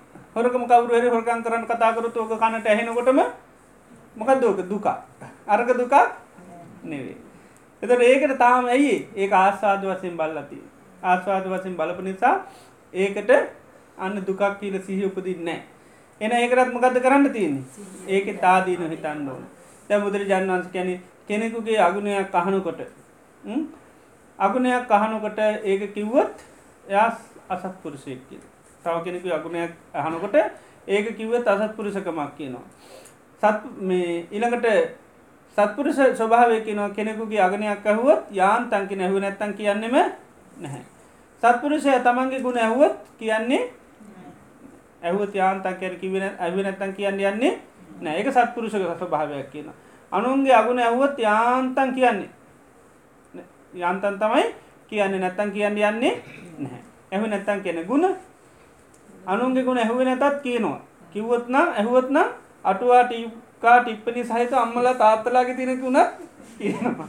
ඒක තමයි සත්පුර ස්වභාවය කියන එතර අසත්පුර ස්වභාවයගේ අනි පැත්ත. අනුන්ගේ අගුණ ඇහුවත් නැතත් කියනවා. ඇහුවොත් නම් අම්ම තාත්තගේ අගුණක් කියනවා. ඊළඟට ගුණ ගුණ කොහොමද? ගුණ ඇහුවත් ඔවු පන්සල් යනවනත් තමයි. නේ දෙම කියනවා. පන්සල් යනවා තමයි. එවනාට ඇති මේමයි. එත අනි පැත්තර තිල් ගන්නවා තමයි. තිල් ගත්තට සිල් අනි පැත්තර අයනවා ඒක සත්පුරුෂ ගතියක් නෙවෙයි කියන ඒක සත්පුරුෂ ගතියක් නෙවේ එතට මේ එක සත්පුරුෂ භාවය තමන්ගේ ගුණ අසත්පුරුෂ කෙන ඇහු නැතත් කියනවා. ඇහුවොත් නම් මම විතරන්නේ අම්ම අම්මලත් එහෙමයි. මේ දම්ම තාත්තත් එහෙමයි කියලා ඒවත් කියනවා එතකොට. අන්න පරම්පරාවම කියන ඒවා අපේ තියෙන මොනවද? හොඳ ගති නෙවෙයි එතකොට ඒවට අපි කැමති. මොකද ඒවට කැමති. අපි කැමති අනුන්ගේ අගුණ කියන්න හරි කැමති. අපේ ගුණ කියන්නත් හරි කැමති.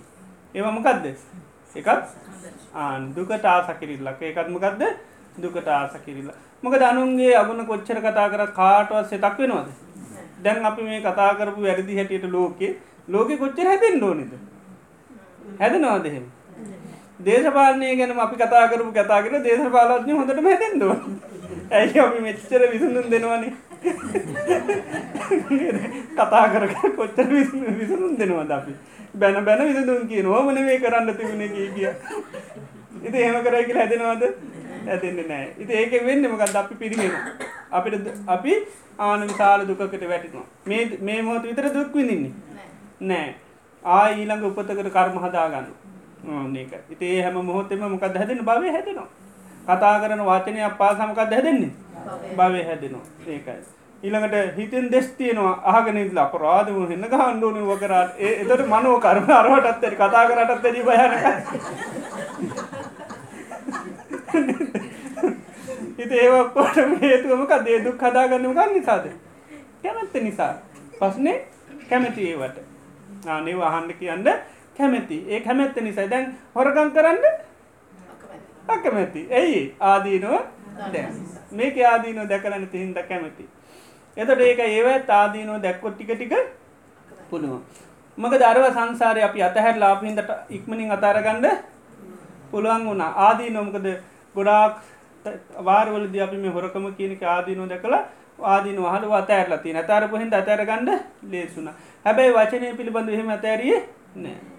ඊට දැන් වචනින් ඔබ්බටියන් ඊට පහමකද තියෙන් හිත. හිතට එනවටම කද තියෙන් හැම දේටම කැමති. දකමැතිද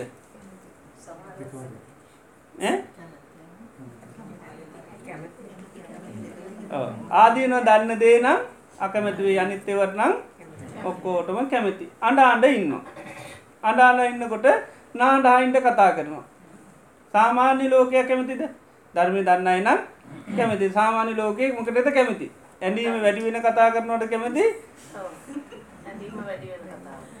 ඇඩීම වැඩිවෙන්ට කතා කරන්න හැඟීම් බර කරන්න ඕන්. එතර තමයි කැමති. හැඟීම් අනි පැතර කතා කරොත් කැමතියෙන්නේ ධර්මය කතා කරන අන්න කෙනෙකුට ඕක තමයි සත්‍ය යථාර්ථය අඩන් දෙපාගු කැමතිද? නෑ. එයා කැමතිම කෙරෙද ගිහිල්ල බදාගෙන අඩනවාන ඒක තමයි ලෝක ස්වභාව ඒ නිසාම මලගෙවල්ලොටමකක් දෙයවන්නේ මොකද? මොකක් දේවන්න පනිවිට සෝක වනවිට නිස්සෝක වනවිට සෝක වෙන්න. නේද? සෝක නොවීන්න පනිවිට ඇරියුත් කැමතිද? අපේ බලවත් සෝකය ප්‍රකාශ කර ඒකට නෙවෙද කැමති ඒකට කැමති. ඇරියොත් එහෙම බණපදයක් කළ වෙලා ඒකට කැමති? නෑ. ඒකට කැමති නෑ. ඒක එළිය ගාලා තියෙන්නේ. අනිච්චාවස සංකාර එළියට ගාලා තියෙන එක ඇතුළට ගන්නෙ නෑ. ඇතුළට ගන්නෙ නෑ. ඉතින් ඒ නිසා ඒක තමයි ස්වභාවය. නේද? එතකොට අපි කැමති අර ඒකයි කෙලෙස් වලට තමයි කැමති. ඒකයි කෙලෙස් වලට කැමති. ඒකයි ඒ ස්වභාවය කතා කරනවා නන්තම ඒක වර්ණා කරනවා නන්තමයි කැමති. යථාර්ථය කියනවට කැමති නෑ ඕකතමයි ලෝක ස්වභාව ඒකයි අඩන කෙනෙකුට නාඩායින්න කතාකරොත් ඒක කැමතිනෑ ඒ අරමුණේ එයාගේ මනස අයින් කරන්න කතා කරනවා. ඒකට ලේසින් කැමති නැහැ. ආයා අර නිමිත්තට යායන්න කැමති. ඒක ගැන ස්මරණය කරකර දුක් විඳින්ද තමයි කැමති. ආන්නකයි ඒවා ගැනම කතා කරනවා හිතනවා. ඕක තමයි කැමති. ආන්නකයි එතර ඒ නිමිති පවත්තන්න යායට කැමති නිමිත්තේ නිදහස්සෙන්ට කැමති නෑ ඒක තමයි අර ඒකටත් තියෙන මොකක්දයි කැමති. එය කැමති අර දුක් නිමිත්ත පවත්තන්න මිසක් එකින් අයිවෙන්න නෙවේ ධර්මි දන්නා එක් කරනවා. නම සාමාන්‍ය ලෝකයකට කැමති නැහැ. සාමාන්‍ය ලෝකයට ඕනි ඒක පවත්තන්න ඒවගේ සෝක විතරන්න වේ හිතට දේශයාවත් සැකයක් ආවත් ඔය ඔක්කෝම් පවත්වන්න තමයි කැමති. හිතර සැකයක් කියන පුද්ජලේ සම්බන්ධ ඕකමකද කැමති? ඔය සැකින් ඉන්නට කවරෝරය ඇවිලා කියනවා යා පිළිබඳව. එදර අහන්නමකක්ද කැමති? රැකේ වැඩියෙන දේ අහන්ට කැමති. ඒකට තමයි කැමති. ඇයි දැන් ඉන්නමකෙන්ද සැකෙන් ඉන්නේ. තව ඒකට කවුරුහරි පෝර දානවා නම් තමයි කැමති. ආ එතකොට තේ ටිකකුත් හදලා දීලා අහගනින්න. තේ දෙන්න හිතුවේ නෑ. නේද? ඒක තමයි ස්වභාවය. ආන්න එක ඊට පස්සේ ඒ වගේ තොරතුරු දන්න කෙනාටද වැඩියෙන් ඇතුළු ගන්න දැන් කැමති? වෙන අයද? කැමැත්ත තියෙන දැන් එයත් එක්ක තමයි වැඩියෙන් කතා කරන්න ඇයි? එයා තොරතුරු කියනවනේ. ආන්න එක. ඒ විදිහට බත්තහම හැමදේ මොකක් හින්දාද දුක් විඳින්නේ? කැමැත්ත නිසා. ආන්න කැමැත්ත නිසා. අපි ඒක ඒවට ඇත්තටම කැමති වෙන්න එහෙම සැකයක් තියෙනවා නම් ඒ ගැන අහන්නවත් යන්න හොඳ නෑ ඇහුවොත් මොකද වෙන්නේ? සැකය තහවුරු වෙනවා වැඩි වෙනවා. ආන්න එක. ඒක හිතේ හදාගන්න එකක්. ඇත්ත වෙන්නත් පුළුවන් බොරු වෙන්නත් පුළුවන්. ඇත්ත වුණත් සැකකරොත් දුක බොරු වුණත් සැකකරොත් දුක. එතකොට ඒ වගේ එකයි. ඒ කෙලෙස් සම්බන්ධවත් අපේ හිතේ තියෙන පුදුමාකාර මොකද්ද? ඒකයි. කැමැත්තක් තියෙන්නේ. ඇයි මේ කෙලෙස් වලට අපි ඇත්තටම කැමතුනේ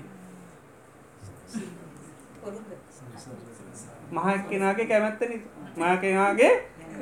මහ කෙනාගේ මහ කෙනාගේ අදහස තමයි අපි පිළිපදින. කවුද මහ කෙනා? අපේ හිත තමයි අපේ මහ කෙනා. මේ ලෝකෙ මහ කෙනා කවුද? මාරයා. මාරයා තමයි කාම ලෝකයේ අධිපති. එයාගේ කැමැත්ත මොකද්ද? ඒක තමයි. මාරය ඇවිල්ලා කියන්නේ නන්දති පුත්තේහි පුත්තිමා. දරුවෝ ඉන්න අය දරුවන් නිසා හරියට සතුටු වෙනවා. ගෝමිකෝ ගෝහි තතේව නන්දති. ගවාදී සම්පත් තියෙන අය ඌව නිසා සතුටු වෙනවා. උපදීහි නරස්ස නන්දනා මේ මිනිසුන්ට මේ කෙලෙස් කියන්නේ මොකද්ද? සතුටක් කිව්වා. යෝ නිරූපදී යමකට කෙලෙස් නැත්තම් සෝචතිය ශෝක කරනවා කිව්වා. කෙලෙස් නැත්තම් ශෝක කරනවා කිව්වා. ආන මාර්යාගේ ආකල්පය. ඒ ආකල්පය තමයි අපි සංසාරේ පුරාවටම ඇවිල්ලා හිටියේ. එයා එයාගේ ගෝචරය අපි තාමත් ඉන්නේ. එයාගේ ගොදුරු බිමේ රැඳලා ඉන්නේ ඒකයි. ඇයි එයාගේ ආකල්පය තමයි දියුණු කරේ. ඒක අපි කෙලෙස් ආපුවම අයින් කරගන්න කැමති නැත්තේ ඇයි ඒ? කේන්තියෙන් ඉන්නකොට අතාරින්න කිව්වට අතාරින්න කැමති නැහැ. සැකයෙන් ඉන්නකොට සැකේ අතාරින්න කතා කරනකොට කැමති නැහැ. ඇයි අපිට ඒක ඒක තමයි අපේ පිළිසරණ. අපි සැක කරන්නේ දුක් විඳින්නද? අපි කේන්තියෙන් ඉන්නේ දුක් විඳින්නද? අපි අනන්නේ දුක් විඳින්නද? අනන්නේ දුක් විඳින්නද? නෑ. ආන සහනයකට කරන ක්‍රියාවක්. හැබැයි සහනයට කරන්නේ තවත් දුකක් ඇති වෙන දෙයක් ආන එකයි එකයි තියෙන ස්වභාවය ඉති එනි සමාරයා වර්ණා කරන්නේ එකයි මේ කෙලෙස් කියන්නේ මොකක්ද ලෝකයාට තියෙන සැපක්. කෙලෙස් නැත්තන් යාතමයි දුකින් ඉන්නේ. එතර බුදුරජාන් වන්ස දේශනා කරන එක අනික් පැත්ත. සෝචති පුත්තේහි පුත්තිමා. දරුව හිතුවත් දරුව නිසානිවාදය ශෝක කරන්න වෙනවා. දරුව සම්පදත් තම ඒවුණට සෝක කරන්න වෙනවා. ගෝමිකෝ ගෝහි තතේව සෝචති. ගවාදී සම්පත්තියන සනිවාරෙන් ඒවනි සම මනුසයන්ට සෝක කරන්න වෙනවා. උපදීහි නරස්ස සෝචන. මේ කෙලෙස් කියන මොකක්ද මිනිසුන්ට ශෝක ඇතිවෙන යෝ නිරූපදී යමට කෙලෙස් නැත්තන් එයා තමයි සෝක කරන්නේ ආන්නක ඒක තමයි බුදුරජාන් වන්සේ යාකල්පි අරකකාගේ ආකල්පිද? මාරයාගයාක ද බුදුරජාන් වහන්සේලා ගැන කි නොරිකිනවා උපදීසු තානන් නකරෝති බුද්ධ. බුදුරජාන් වහන්සේලා නම් කෙලෙස්වලින් කවදාක පිළිසරන්න බලාපොරොත්තු වෙන්නේ නෑ එතට ඒක උන්වහසලා පිළිසන්න බලාපොරොත්තු වෙන්නේ කෙලෙස් වලින්. එතර අපි මොකක්ද වෙලා තියෙන්නේ? අපි කෙලෙස්වලින් පිළිසරණ බලා පොරොත්තුවෙනවා. අපි කවරුත් මේ කිසිම දෙයක් ඇතරම දුක් විඳින්නවේ කරන්න. ඒ හැම දෙයම විඳි කරන්න මොකේටද ආන සැප විඳින්න සැප ලබන්න. සුක කාමිමානී භූතානි හැම්ම සත්වයම කැමතිමකේටද සැපයට කැමති. ඊළඟට ලෝක හැමෝම බුදුරන් වන්ස් කැන එක එකම අදහස එකම කැමැත්තයි තියෙන බොහෝසේ මේක තමයි දුක්කරදර පීඩා නැති කරගෙන ජීවිතයට සතුටස් උන්වසල් ලබාගන්න හැබැයි බුදුරන් වන්ස් කෙන එකට කරන දේ තමයි පස්්නේ සැපකී අල්ලන්නම ගද නිතරම දුකල්ලන්න ආනක සැපකී අල්ලන්න දුක. එතොට අපි ගත්තහම මේ කායකර්මාදී පොඩි අපසලේ දක්වා මේ පංචපාදානස්කන්දය දක් සිතිවිලි දක්වා ඔක්කෝම තියෙන මොකක්ද අපේ හිතේ? කැමැත්තා හැම දේටම කැමැති. එතුර අපි දැන් බෞද්ධයන් ඇටිට කොට සක් අකමැති. ඒ අකමැත්ත ඇතිවුණ එයි. ආදීනුව දැක්කය වගේ. අපි අකමැති වුණට ලෝක මේ අකමැතිද? නෑ. ලෝක අකමැති නෑයි ලෝකයට එක සැපපේනුවේ සැපපේන අය එකට කැමති. අපි දුක පේනින්ද අපි කැමති නැහැ. එනම් අපි යං ආකාරයකට දර ප්‍රාණගාතය ඇතැරී ඔන්න එක මේට මනිත්තුවත්ත තැරගෙනන්න තියෙන්. එදර ප්‍රාණගාතය ආස්වාධයක් තියද්දි තමයි ඔබට ආදීනු පේෙන් ආස්වාධයක් තියද්දි තමයි ආදීන පේන්නේ ආස්වාද ඉක්මුව ඔබට ආදීනුව පේනු. ඇයි ආදීනුව බැලුව නිසා. ආන්නේ වගේ තමයි අනිත් දේවලුත් එක්කත් ඔය තත්තිම තමයි තියෙන ආස්වාදයක් තියෙනවා ආදීනුවත් තින ආදීනුව බැලිවි නැතින්ද දැම්පෙන්නේ නැහැ. ආදීනුව ටික ටික ටික බැලුවත්මකද වෙන්නේ? ඔය ආදීනුවත් ප්‍රකටව පේන්නේ පටන් ගන්න එනිසා හැම දේකටම මේ අපි පවත්වන්නේ හැම දෙයක්ම කැමැත්තේ. ඒක කැමැත්ත නිසා තමයි මේ දුකින්න වෙන දෙයක් නිසා නෙවේ එනිසා හැම අරමුණකටම කැමැති. කිසිම අරමුණක් කවුරු කැමැත්තකින් තොරව පාවිච්චි කරන්නේ නැහැ. කැමති නැත්තං අල්ලගන්නේ නෑ ඒක ග්‍රහණය කරගන්න උපාදාන වෙන්නේ මොන පච්චයාද තන්නහා පච්චයා ආනකයි තන්නහාව නිසයි දේවල් උපාදාන වෙන්නේ. උපාදාන වුණු ගමන් භවය හැදෙනවා. එනි සමය උපාදානය තියෙන මේ කැමැත්ත නිසා. ඒ කැමැත්ත තියෙන්නේ මේ බාහිර ලෝක දේවල්වලට විතරක් නොවේ අපිට කැමති කියනකට අපේ තෙන්නේ ලස්සන රූපෝල්ට අපි කැමති සද්ධවලට කැමති ගඳ සුවඳවලට කැමති සුන්දර දේට විතරක් කැමති වගේ පේනවා. අනි දේවල්වලට එහෙම කැමැත්තක් නෑ කියලතම හිතෙන් නමුත් අනිත් ඔක්කෝටමත්මකද තියෙන්නේ කැමැති හිතේ හටගන්න කෙලෙස් හැම එකකටම අපි කැමති. ඒ නිසාම ඒ පවත් නකමැතිනම් කිසිම කෙලේශකට එඩ දෙන්නේ නෑගේටු වහනවා දැන්ගේටු වහන්න ඇතෙයි ආන්නේකයි ගේටු වහන්න ඇතේවට කැමති හින්දා. ආනක දැන් සමාර පුද්ජුල කාලයක් නෝට අකමැති. එතොට වෙනද වගේ පිළිගණ්ඩ යනවාද? නෑ. එනකොට වෙනද වගේ ගේටු අරින්ඩ යන්න ඇරග නින්ඩාරිනවා නේද? ආවත්මකද කරන්න? දොරාරින් දොරාරින් තට්ටු කරනකොට කීපොතාවක් ඉඳල තමයි පමා වෙලා ඇරියත් ඊට බමකද කරන්නේ? වෙනද වගේ ඉඳගණ්ඩ කියන්න ඊටගෙනම කතා කරනවා දොරලාගම කතා කරනවා. ඒත් කඩාගනාවත් ඊටවත් ඉඳගන්න කියන්න ඒත් නේද? තොට වැඩ ගොඩාක් තින හැටියට කියනවා. නේද? කතා කරන්න විදිහන්න ඇතිව අඟවනවා එම නැත්තම් වෙන වැඩකට කියල්ලා වැඩේ කරමින් කතා කරම එත නොකද වෙන්නේ? අරය පිළිගන්න පිළිගැනී මඩු වෙනකරමක දෙන්නේ එයා දන්න මෙයා දැම්මන් කැමති නෑ. අන්න කැමති නැතිනු ගමන් එන්නේ නෑ. ඒ වගේ තමයි කෙලෙසු. අපි දැන් කැමතින් දතම ඇවිල්ලා අපිත් එක පාටි දාන්නේ. ඉතින් ඒ නිසා කෙලෙස්ස ලාදීන බලන්ඩ එතොටමක දෙන්නේ කාලයක් කනකට එන්නේ නැහැ දැන් ආවට පස්සේ අපිවට සංග්‍රහ කරනවා. ගියාට පස්සෙමක දෙන්නේ දුක් වෙනවා. ආයාවට පස්සේ? ආය සංග්‍රහ කරනවා. ගියාට පස්සේ? ඉති ඒක නැති කරන ක්‍රමේ නෙවේ නැති කරන්න නමගත්ද තියෙන්නේ? ආන ආදීනුව දකින්න. එන්ඩ ඉස්සල් හඳුන ගන්න ඕන. එන්ඩ ඉස්සල් හඳුනාගෙනින් ොන එතොට තමයි පුළුවන්ගෙන් ඒ නිසා ආවට පස්සේ තේබීලා කණ්ඩබොඩ දිල ගියාට පස්සේ ඇදුවට වැඩ නෑ අනි දවසේ තාවට පස්සේ අයත් හොඳර සංගා කරල කතාබා කරලා ගියාට පස්සේ අන්ට ඒක වැඩ නැහැ. නොපිළි ගැනීම තියෙන නොපිළිගත්තොත් තම එන්නේ නැත්ති. ඉතින් කෙලෙස් සුත්තේකයි දැන් එනවා. එන්නේ අන් හේතුවත් තියෙන හේතු තියනකගෙන අපිට තියෙන නොපිළිගන්න. නොපිළිගත්තාම තමයි අයිකරගන්න යම් දවසක පුළුවන්කම තියෙන් ඉති එනිසා බුදුරජාන් වන්සේගේ ධර්මයකයි මූලයමකක්ද අන්න චන්ද මූලක හැම දේක මූල හැමැත්ත. එනම් අපිට පුළුවන්තරන් හැම ධර්මතාවයකම කද දකිට කියන්නේ? ආදීනෝ බකින්දගෙන ආදීන දකිනට මේ චන්දරාගේ කැමැත්ත නැතියෙන එතුට චන්දරාගේ කැමැත නැතිවෙන්න ප්‍රධානෝම නිතරම සිහි කරන්න ඕනි භාවනාව දේශනා කළ තියෙනවා. ඒක තමයි සබ්බේහිමේ පියේහි මනාපේහි නානා භාවෝ විනාභාවෝ. මා සතු යම් ප්‍රියමනාප දෙයක් තින නගේගේ ස්වභාවමකක්ද වෙනස් වෙලා නැතිවලෑන ඕක නිතර සී කරන්න කියන නිතරම සී කරන්න ග්‍රාණය සී කරනකටම කද නැතිවෙන්නේ කැමැත්ත නැතිවෙනවා රාගී නැතින චන්ද්‍රාග දුරු වෙනවා. අත්ති භික්වේ පියසු චන්දරාග මහනනි පිය වස්තුූන් පිය පුද්ජලයන් දේවල් පිළිබඳම කද තියෙනෙ දැරි කැමැත් අත්ති නාන්නේක නැති වෙනවා. තුනී වෙලා යන මොක කරොද්ද? අර ආදීනුව සිහිකරොත් එතට පිය වස්තුූ පිළිබඳව අපිට තියෙන්නේ මකදද? අපිට තියෙන්නේ ප්‍රියනං ඒක මොකක්ද කැමැත්තත්තිය අපි හිතන්න ප්‍රියදේ වෙනස් වෙලා නැති වෙලා යයි කියලා. අපි හම බලන්න කැමතිත් නෑ. ඉති ඒම අකමැත්තෙන් ඉන්නවා. ඒ අකමැත්තෙන් ඉන්නකොට නැතිවෙන තොරමකද වෙන්නේ? ඒ වෙලාවෙත් පිළිගන්න කැමති නෑ. ඇයි නැතුවනේ මොකක්ද නැතුවනේ තියෙන දෙයක්. තියෙන දෙයක් නැතිවනේ එකයි දුක. නැතිවෙන් ඕනි දෙයක් නැතිවනන්න පස්්නයක්ද නෑ. ඉති අපි ලෝකේකයි ඒ ස්භාවය දකින්න කැමිති නෑ. සත්තියට අපි කැමති නැහැ. ඉතින් කොලේ වහලා විපසනා කරලා බෑ.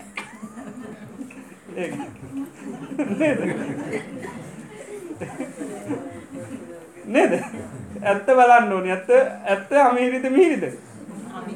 අමහිරි බැලුවත් මිහිරි අන්න බැලුවත් මිහිරි වෙනවා. බලන්න ඇති නිසා අමහිරි කනට මිහිරි නැහැ. නමුත් බුදුරජාන් වන්ස කෙලින්ම කියන්නේ එක යථහත්ත බලන්න. බයවෙන්න එපා. බැලුවයි කියල මොකුත් වෙන්නේ නැහැ. අපි දැම් නොබලාමන අපට ඔය හානි වෙන්නේ. බල්ලන වෙන්නේ ඉති බැලුවත් නැතත් අන්න එකයි බැලුව නැත ඇති ගැටලුවක් නැහැ. බැලුවත්මකද වෙන්නේ? අඩු වෙනවා. බැලුවත් අඩු වෙනවා. බැලුවත් කිසි ප්‍රශ්නයක් වෙන්න දැන්ටත් වැඩි ආදරේ වැඩි වෙනවා දඩ වෙනවාද? වැඩි වෙනවා. එක පිරිසුදු ආදරයක් වෙන දැන්ට වැඩිය පිරිසුදු ආදරයක් වෙන දැන්තියෙනමකක්ද පිරිසුදු ආදරයක් නෙවේ. ආන එකයි වස්තුවලට තියෙන මේක මීටත් වැඩිය ආන්න පිරිසුදු වෙනවා. ඒ නිසා දැන් රහතන් වහන්සේලා පළවෙනි දම්ම සංගායනාව කරා. ඒ පළවෙනි දම්ම සංගායනද උන්වහන්සේලා පළවෙනි මාස මොකද්ද කරේ? මොකද්ද කරේ? කැඩිච්ච විදිච්ච හැදුවා. මොකද්ද කරේ? කැඩිච්ච කුටි ගෙවල් සෙනසුන් හැදුවා. දැන් රහතන් වහන්සේලා තමයි මොකක්ද හැදුවේ? කැඩිච්ච විනිච්චා ඉතින් අපි නම් හදයිද? අපි ඉස්සෙල්ලා කැමති මොකේද ඔව් අලුත් වෙන්නේ අපි කැමති ධම්ම සංගායනා කරන්නනේ. නේද? දැන් රහතන් වහන්සේලා ධම්ම සංගායනා කරන්න ඉස්සෙල්ලා කරේ මොකද්ද? කැඩිච්ච විනිච්චා දෙනක දැන් අපිට ඕන ඉක්මනට කරගන්න මොකද්ද? ධම්ම සංගායනා. හැබැයි ධම්ම සංගායනා කරන්න යනකොට තමයි ඔන්න අනිත් ප්‍රශ්නේ මතු වෙන ඔන්න තෙවෙනවා ඉන්න තැන්න කරගන්න බෑ. එතකොට තමයි ඔන්න අපි ආයි ඒව කරන්න යන්නේ. දැන් රහතන් වහන්සේලා අපි වගේ හරි පිළිවෙලයි. වැඩ පිළිවෙලයි. දැන් අපි නම් අනිත්‍ය නම් ඒක වැඩක් නෑ කියලා එහෙමම අයින් කරලා දාන්න. රහතන් වහන්සේ ආන කැඩිච්ච බිඳිච්ච කුටි සෙන සුල්ල ඒවයි වහලවල් හදනව බිච්චි විපුරවව හදාවි ඉස්සෙල්ලා. ඊට පස්සේ තමයි ධම්ම සංගායනා කරනවා. අන්න බලන්න. උන්වහන්සේලා දැන් මේ අනිත්‍ය දැක්කේ නැති ඇයිද? දැක්කේ අය. ආන්න බලන්න. උන්වහන්සේලාගේ වැඩ අපිටත් වැඩිය පිළිවෙලයි. ඒක අපි කරනවට වැඩි පිළිවෙලට කරන උන්වහන්සේලා. උන්වහන්සේලා හැම දෙයක්ම පිළිවෙලට කරනවා. බුදුරජාණන් වහන්සේ තරම් පිරිසුදුකම තවත් දේශනා කළා නැහැ කවුරු. උන්වහන්සේ පිරිසුදුකම අපිට පුදුම විදිහට දේශනා කළා තියෙන්නේ. අපිට වැඩි ගොඩාක් හිතනවා බුදුරජාණන් වහන්සේ. දැන් අපි මේ වගේ බිච්චකට මොනහරි දැම්මොත් එහෙම බිච්චවල එල්ලන අපි දානවානේ. රෙදි දාන්න රැක් ගහනවානේ බිච්චවල දැන් අපි දැම්මොත් කොහොමද දාන්නේ? මෙහෙමනේ දාන්නේ? බුදුරයන් වන්සක නෙහෙම දාන්න එපා. ඉස්සල්ල මෙහෙම දාලා මේ පැත්තෙන් දාන අත ඉස්සල්ල යවන්න කර අතට පැත්තෙන් සිවුර දාගන්නගෙන සිවුර මෙහෙම යවල මේ පැත්තෙන් දාන්නකින් ඇයි? එම දාන්න කියන්නේ. අපි මෙහම දැම්ම පඩුහෙම තිබුණොත් බිච්ච ගෑවන. තොරමක දෙන්නේ පස්නන නේද? ඕකට කෑ ගහන්න පුළුවන් තමන්ගේ හිත දුක්කෙන්ට පුළුවන්. අනිත්‍ය අනි සංගික දේවල් නැති නාස්ති කරාවෙන. ඒ නිසා සිවුරත් දානකොට අතට මෙහෙම සිවුරරම් බිච්ච පැත්තේ මේ මතයවල මෙහම දාන්න කියන්නේ. තොර අපි එච්චර කරනවා හිතල? නෑ. ඒක ඒ තරමට පිරිසුදුකම. රෙදකට රෙද්ද මේ වැලකට රෙදිදාන්න ඉස්සල ඉස්සල් අතින් පිරිමඳගෙන යටිකින වැල. ඒකල රෙද්ද දාන්නක ඇයි? ඕ අපි කපුටොන්ටක් බන්න පුලන් ඊට පස්සේ.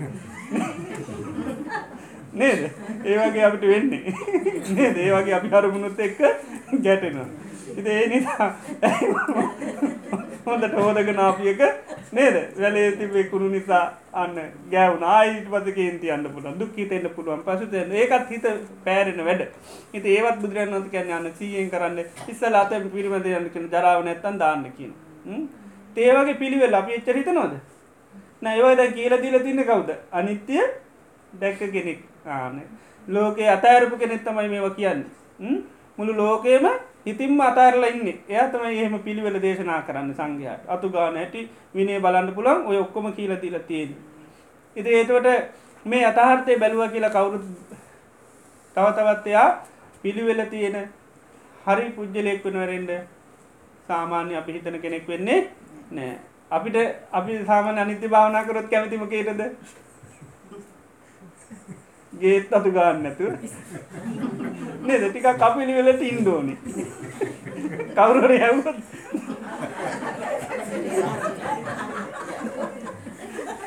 මොකද මේ ඇතුළ කරන්නේ? අනිත්‍යවා. ඒ නිසා අපිට ඕනගන්න අනිත්‍යය පෙන්න්න නේද? ඉති ඒමතම ලෝක සමහරලා තියෙන් ඉති බුදුරන් වහන්සේ කියන්න ඇතුළෙන් ඒක කරන්න. පිට හොඳට තියාගන්න. ඉන්නගේ හොඳට තියාගන්න වැට්ටි හොඳට කරන්න. හැමටිකම හරියට කරලා මනසින් ඇතැල්ල ජීවත්වන්න කියෙන. මොකක්ද මනසින්.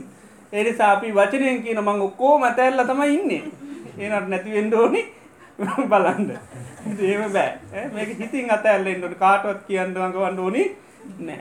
එනිසා ඒකයි සියලුම පියමනාපවල්ල තියෙන ස්වභාව නිතරමකද කරන්න කියන්නේ? සිහි කරන්න කියෙන. මා සතු ප්‍රියමනාප දේවල්මකක්ද වෙන්නේ? වෙනස් වෙලා නැතිවල මේක නිතර සිහි කරට කියන හැම මොහොතම හැම තප්පරේම පාලි භාෂාවෙන් කියන කොහොමද? අබින්න පච්චවේකි තබ්බන් නිතර නිතර පත්තිස්සා කරන්න කියෙන. කවුරු විසින්ද? ඉත්තියාවා පුරුෂේනවා ගහට්ටේනවා පබ්බ ජිතිනවා ස්ත්‍රී පුරුෂ ගිහි පැවිදි. ඔය ඔක්කෝම අනි නිතර සිහි කරන්න කියෙන. මා සතු ප්‍රියමනාප දේවල් වෙනස් වෙලා නැතිවද ඉති ඕක කරන්න පුළො ඕක ගැබුරු භාවනාව හැබැයි ලේසි ගණ්ඩ පුළුවන්. වැඩි වියදමක් නෑ. තේරුම් ගන්න අමාරද පහසුද? පහසුයි. මේක ලේසි විටමින් පෙත්තා ගත්තොත් මොකද වෙන්නේ? පෝෂණ එක ති නිතර සී කරන්නඩි දැන් දැනගත්තර බෑ. දැනගත්තට බෑ. මේ උදරයන්ස කෙර නිතර සහි කරන්න කින ස්ත්‍රී පුරස ගහි පැවිදි ඔක්කොම. අන් සිහි කරන් සේ කරන පිය දේවල් වල තියෙන ස්වභාව සිහිට පිහිටන පිය වෙලා තියෙනමකක්ද වෙනස් වෙලා නැති වෙලා යන එක. එත ඒදේ වෙනස් වෙනකට පස්න ඇද නෑ. ආනක අපිට ප්‍රියදේවල් විතරත් තියෙන්ඩුන අප්‍රියාමනාප දේවල් වෙනස් වෙන්ඩෝ ඒක තම අපේ තියෙන මතේ ඉති ඒක අනි පැත්තන වෙන්නේ අප්‍රියමනාප දේවල් එහෙමම තියෙනවා. පිය දේවල් වෙනස් වෙන එතර දුකයි. ආනකයි ඉති අපි හිතනේවා වෙන්නේ නෑ. ඉතිේනි සනිතර හිතන්න කියන ප්‍රියමනාප දේවල් වෙනස්සන ඉතින් ආධ්‍යාත්මික වසේ මේ ජීවිතය පියයි මනාපයිද නැද්ද?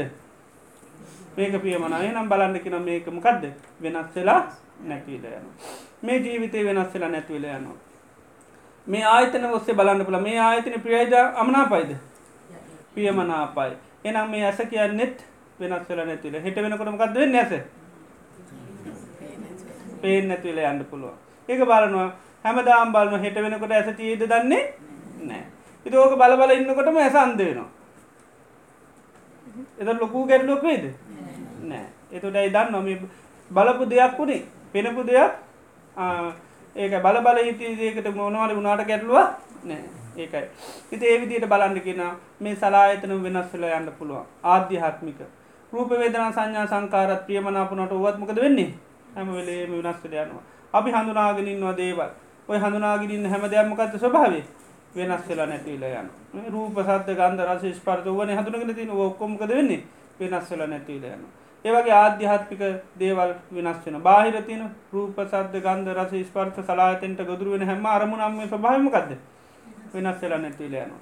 ඉළඟට පුද්ජල වසයෙන් ඉන්න අපට ගොඩා ප්‍රියමනාපයි ඒ අය වෙනස් වෙලා නැතිවෙලා යන ඉළඟට ද්‍රව්‍ය මේ වසයෙන් තින ගොඩා ප්‍රියමනාප දේවල්. ඔක්කමකද වෙන්නේ?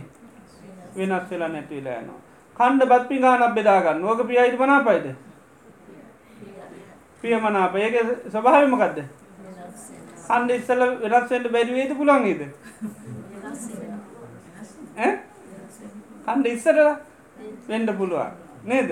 බෙදානින් තියල යනකට කවරුවට ඇවිල්ලෝක එහෙමෙන් අතගෑව සමට කණ්ඩ එපාවෙන නේද? අකමැති දෙයක්කෝ කර බෙදුවොත් ඒත් එපාවෙන නේද? කවදාපත් කන්න ඇති කෑම බෙදල තීරරකට එතරමකද හරි අපිරිය කන්න පුළුවන්ද? බෑ. ඊළඟට ඒ වගේ ඉතා ඉක්මනින් එක වෙනස් වෙන්න පුළුවන්. බැරි වෙලා කිව්වමක් කියන්න. එහෙම ගියොත් වෙන්නේ නැද්ද? ඒත් වෙන්න පුළුවන්. ආයේ බෙදාගන්න කෑම නෑ හැබැයි ගොඩේ කාලෙකින් හදාගත්ත එක බොහොම අමාරුවෙන් හදාගත්ත කෑම එතකොට ඇටච් එක වැඩි වුණොත් මොකද වෙන්නේ? දෙක වැඩි. ඉතින් ඒ නිසා ඒ වගේ බලන්න පුළුවන් ඕනනම් සිවුම් විදියට. එතකොට ඒක වෙනස් වුණයි කියලා අඬන්නේ නෑ කම්පා වෙන්නේ නෑ මොකද බෙදා ගන්නකොට හිතුවා මේ කෑම ප්‍රියයි මනාප හැබැයි මේක වෙනස් වෙලා නැතිවෙලා යනවා. ආනකයි ඇඳුම පැළඳුම පරියන්න කර මේක හරි පියමනාපයි. මේක ඇඳගෙන ගිහින් එනකොට ආය අඳින්ට නම් බැරිවේ ආනක ගිල් එනකොට මේක නොේ දෙවල්වලට මේ වෙන්න පුළුවන්. ඒක තමන් ගනුම් ගත්තරදී නිසා ඕන තරම් මේක වෙනස් වෙන්න පුළුවන්.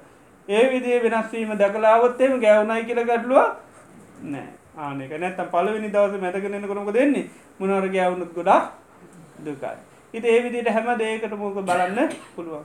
කවුරුවරි ප්‍රසංසා කරනවා. ප්‍රියයිද මනාපයිද? ප්‍රියයි. ඒ ප්‍රියදේ ස්වභාවිමකක්ද වෙනස් වෙලා නැතිලයන දැපිට ප්‍රසංසා කරනයගෙන් අපිට හැමදාම් බලාපොරොත්තිනමකක්ද ප්‍රසංස අපි හිතනවා දෙක වෙනස් වෙන නැති නො කියලා. නෑ. හැමදාම බයින කෙනෙ බැන්නොත්ද කැමති නැත්තන් කලාතුරක මොනහර කියන කෙනෙක් කවදාකන්න කියපු කියනෙක් කියවුද කොහොමද? බරපතර වැඩි වෙන්නේ. හැමදාම කිවත් ගානක් නෑ. කම්මලේ බල්ලෝගේ ඉන්න පුළුවන්. හැමදාම කියනවා එනි සතඇල්ල තින යාගෙන් අයිකිසි ප්‍රසංසාවන්න බලාපොරොත්තු වෙන්නේ නෑ. ඇැයි කවදාක කියන්න ඇති කෙනෙක් කරත්තෙම දුක වැඩි. එතට එතට දීල තිනමකත් අපි නිත්‍ය සංඥාව. එයාගෙන්නම් අප්‍රියමනාපවචන හෙන්න යානම් ආන්න. නිත්‍යය කෙනෙක් එයාගෙන් ලැබෙන්න්න මනවද? ප්‍රසංසා ලැබෙන් ඇගයින් ලැබෙන්නේ තේරුම් ගැනින් ඔක්කොම ලැබෙන් ඒ ඒක හිතන්න මේක නම් වෙනස් වෙලා නැතිවලයන දෙයක්. ආන හිතල තිබ්බොත්මක දෙන්නේ ප්‍රසංසා කරන හැමෝතම හිතල තිබොත් මේක ප්‍රියමනාපයි තමයි. ඒවනට වෙනස් වෙලා නැතිල නමුකද මෙයාගේ හිත වෙනස් වුනොත් හෙටම වෙනස්සල යන්න පුළ මේ නිත්‍ය ධර්මතා නෙවේ ආනේ විදිට හිතර තිබොත් හෙට වෙනස් වුනත් අපට පසනයක් වෙනවාද? නැහැ. හොඳට සීය පත්වට හිටුවත් ගැටලුවක් වෙන්නේ නැහැ. අපි දන්න මේ ස්වභාවට පත්වෙන්න පුළුව අපිට වෙලාතිය නර හොඳ දේට දෙනවා ගොඩා ලකුණු. ඒ දුන්න ගමන් එක වෙනස්සුණු ගමකද වෙන්නේ? නැතිවලා යන ඉතිේ නිසා හැමදේම ප්‍රියමනාප දේවල් නිතර බලන් දැම් මේ වෙනකොටත් මොකද වෙලා තියෙන සමාරයවා වෙනස් වෙලා නැතිවල ගිහිල්ලා. අපි දන්නෙත් නෑ. තා පැෑභාගකින් කෝල්ල එකක් එන්න පුළුවන්. නේද? ආනෙක ඇසිඩන්ට වෙලා අරවගෝ වෙලා නොයි විපත්තියෙන්න්න පුළුවන්. ප්‍රිය දේවල් තියාගත්තොත් තියෙනමකක්ද දුක තියෙන්නේ. ප්‍රිය කරා කියන්නේ දුකක් තියාගෙන තොයි දුක විඳන්න වෙනවා මයි. ඉට ඇයි අපට පිය වෙලා තියෙන වෙනස් වෙලා නැති වෙලට යන දෙයක්. ආ නතවට සෝක පරිදේව දුක් දුම්න්නස් ඇති වෙන එනි සනිතරම් පුරුදු කරන්න මා සතු ප්‍රියමනාප දේවල්මකත් වෙන්නේ? වෙනස් වෙලා නැති වෙලා යන ආනේ විදිර පුරුදු කරොත් අපිට පුළුවන්කම ලැබෙන මේක අවබෝධ කරගන්න. එතේ නිසා මේක බුදුරජාණන් වහන්සේම දුන්නු විපස්සනා භාවනාවක්. මොන භාවනාවද ඕ මේක බැලුවත් පේනමකක්ද යථාර්ථය පේනවා. යථාර්ථය මොකේද බලන්නේ. ප්‍රියමනාපෝල තිර යථා ස්භාවේ. ප්‍රියමනාපොල යථා ස්භාවය වෙනස්සර නැතිල අපිට ප්‍රියමනාප දේවල් වලට කැමති වුණා ඒ කැමතුුණු ප්‍රිය හින්ද. හැබැ අනි පැත්ත බැලිවත්මකද වෙන්නේ. ආනේ කැමැත් අඩු වෙනවා එතොට අපි සියල්සී අත්තියන්න එතොට අඩු කරගන්න කියටද හැත්තෑ පහට පණහට ඉසි පහට රහත්තුනාම බින්දුව සම්පූර්ණි වර ඉති අඩු කරගෙන යන්න පුළුවන්. සාාවකයන්ට අඩු කරකර යන්න පුළුවන්. ඉති ඒ නිසා සියලුම ප්‍රියමනාප දේවල් වෙනස් වෙනුව නැතිවෙනවා හොඳට හැම මොහොතම යනින් එනින් ගමන් සිහි කරන්න. අද අපි බලලයින්න දේ හෙට වෙනකොට තියෙන්නේ නෑ ආන්න එකයි. ප්‍රිය කරන කැලයක් දැක්ක තනේ මේ කැලේ හරි ලස්සන වුණට හිටනකට ගින්නක් ඇවිල්ලා පිච්චිල යන්න පුළන් ඒකත් අනි පැත්තට බලන්න. එතොට අර හැමදේටම දීල තින ප්‍රියමනාප ගතිමකද වෙන්නේ? වෙනස් වෙලයනවා ඉතිේ නිසා හැමදේම ඒ අභ්‍යන්ත්‍රිකෝ බලන් මේ ලෝක අපට කොච්චර ප්‍රියමනාප දේවල් තිබත්තේ හැම දෙයක්ම වෙනස් වෙනවා නැතිවල ඉතින් තමන්ගේ නුවන පමාට බලන්න පුළන් සමාරය මිනි පෙට්ටිය ඇතුළට හොන්න දාලා පොඩ්ඩ බලන්න පුළුවන්. කොහොමද තත්ත්ය වගේ හිතේ? නේද? ඉති ඒතෝට ආන්න තේරෙයි කොච්චර. ඉති එහෙම බැලුවොත් කීපවතාමකද වෙන්නේ? අර තියෙන මේ කඩු වෙන ආන්නේක ඒක අතාර්ථය පිළිගන්න මෙහම ඇත්තරම වෙනවා යම් දවසක වෙනවා. මං මේ දවස බලන්ඩෝන් එතොට සෝකයමකද එන්න එන්න අන අඩු කරගන්න පුළුව එතොට යම් දවසකුරුත් ලොකූ සෝකයන්න අර කාටවගේද බන්දුවර මල්ලි කාට වගේ. එකම දවසේ දරුව තියයි මහත්තය මරණ. ඇඩුවද නෑ ඇඩුවේ නෑ. සැලෙන්ඩ ගිය නෑමකුත් කම්පාවනේ නෑ. ඒමකද අන්න හිතේ හයිය තිබුණා. එයා බලලා තිබට මේ අතාස භාව එනිසා යට ලොකු ප්‍රශ්නයක් වුණේ නෑ. වෑන්ජනයක් ඇතුන්න දාසියකින්. එතකොට සැරුත් මහරතන් වසකව නැගිලි නොව බිඳල යන දේවල් බින්ද්‍ර යන එතුරකව ස්වාමිනි මේකමකක්ද කිව්වා? මේ වෙනකට මහත්තයයි දරුව තිහයි මැඩිල කිව්වා. ඒවනකට පනී ඩෙටැපිල තියෙන්නේ මළගයක් වුණාද? දානගයක් වුණා. දිගටම දානගේ දැ මල මැරිල කට්ටියගෙද රොක්කොම එවනට මළගයක් වුණේ නෑ. මළගයක් කරන්න කොහෙන්ද? එකත් ඉතින් කරන්න. ඇඩුව නමකද වෙන්නේ? දාන කියන්න නෑ. අඩාගෙන කාමරයට කියනම් හාමුදුරු දානවන්දලා ඉවරයි. නේද? පණවිඩේනකට නමුත් එහෙමුණේ නෑ. නේද? එහෙමුණේ නෑ. එති එනිසා ඔක්කොම හදන්න කොහෙන්ද? හිති. ආන්නේකයි එතට සාමාන්‍යෙන් කෙනෙකුට කේන්තියන එකකින්ද සැරුත් මහරතන් වස යථාර්ථය සී කළ දුන්නා. නැගෙන නුව බිඳල කරලා යන ඒව කිවා ගණන් ගණ්ඩ පා කියනක එතුරක ස්වාමිනිෝක මොකක්තිකුව මේ වනකට මහත්තයයි දරුව තිහක්. එක දරුවෙන්න්න කමන්න දරුව කියද්ද තිහ තියකට තියන බැනීම කියන්නම බැහැ. අඩුවෙන්න නෑ දරුව වැඩුුණයි කියලා. ආදර අඩුවෙන්නේ නැහැ. වැඩි වෙන බැඳීම් වැඩි. ඒත් එයා කම්පාවනේ සැලුන කෑගැහුවේ නෑ යාගේ වැන්ජනය ඇතැරෙන්ටි තිබුණ. එක ඇතැරුණේ නෑ ඒ අල්ල ගන්න සිහිය තිබුණ. ආන්න එකයි ඒ සත්‍යය තිබුණේ අය ජතාර්ථය බල බල හිටිය කෙනෙක්. නැත රහත් කෙනෙ නෙවෙනය ය රාතන් වහන්ස නමක් නෙවේ සාමාන්‍ය ගිහි කෙනෙක්.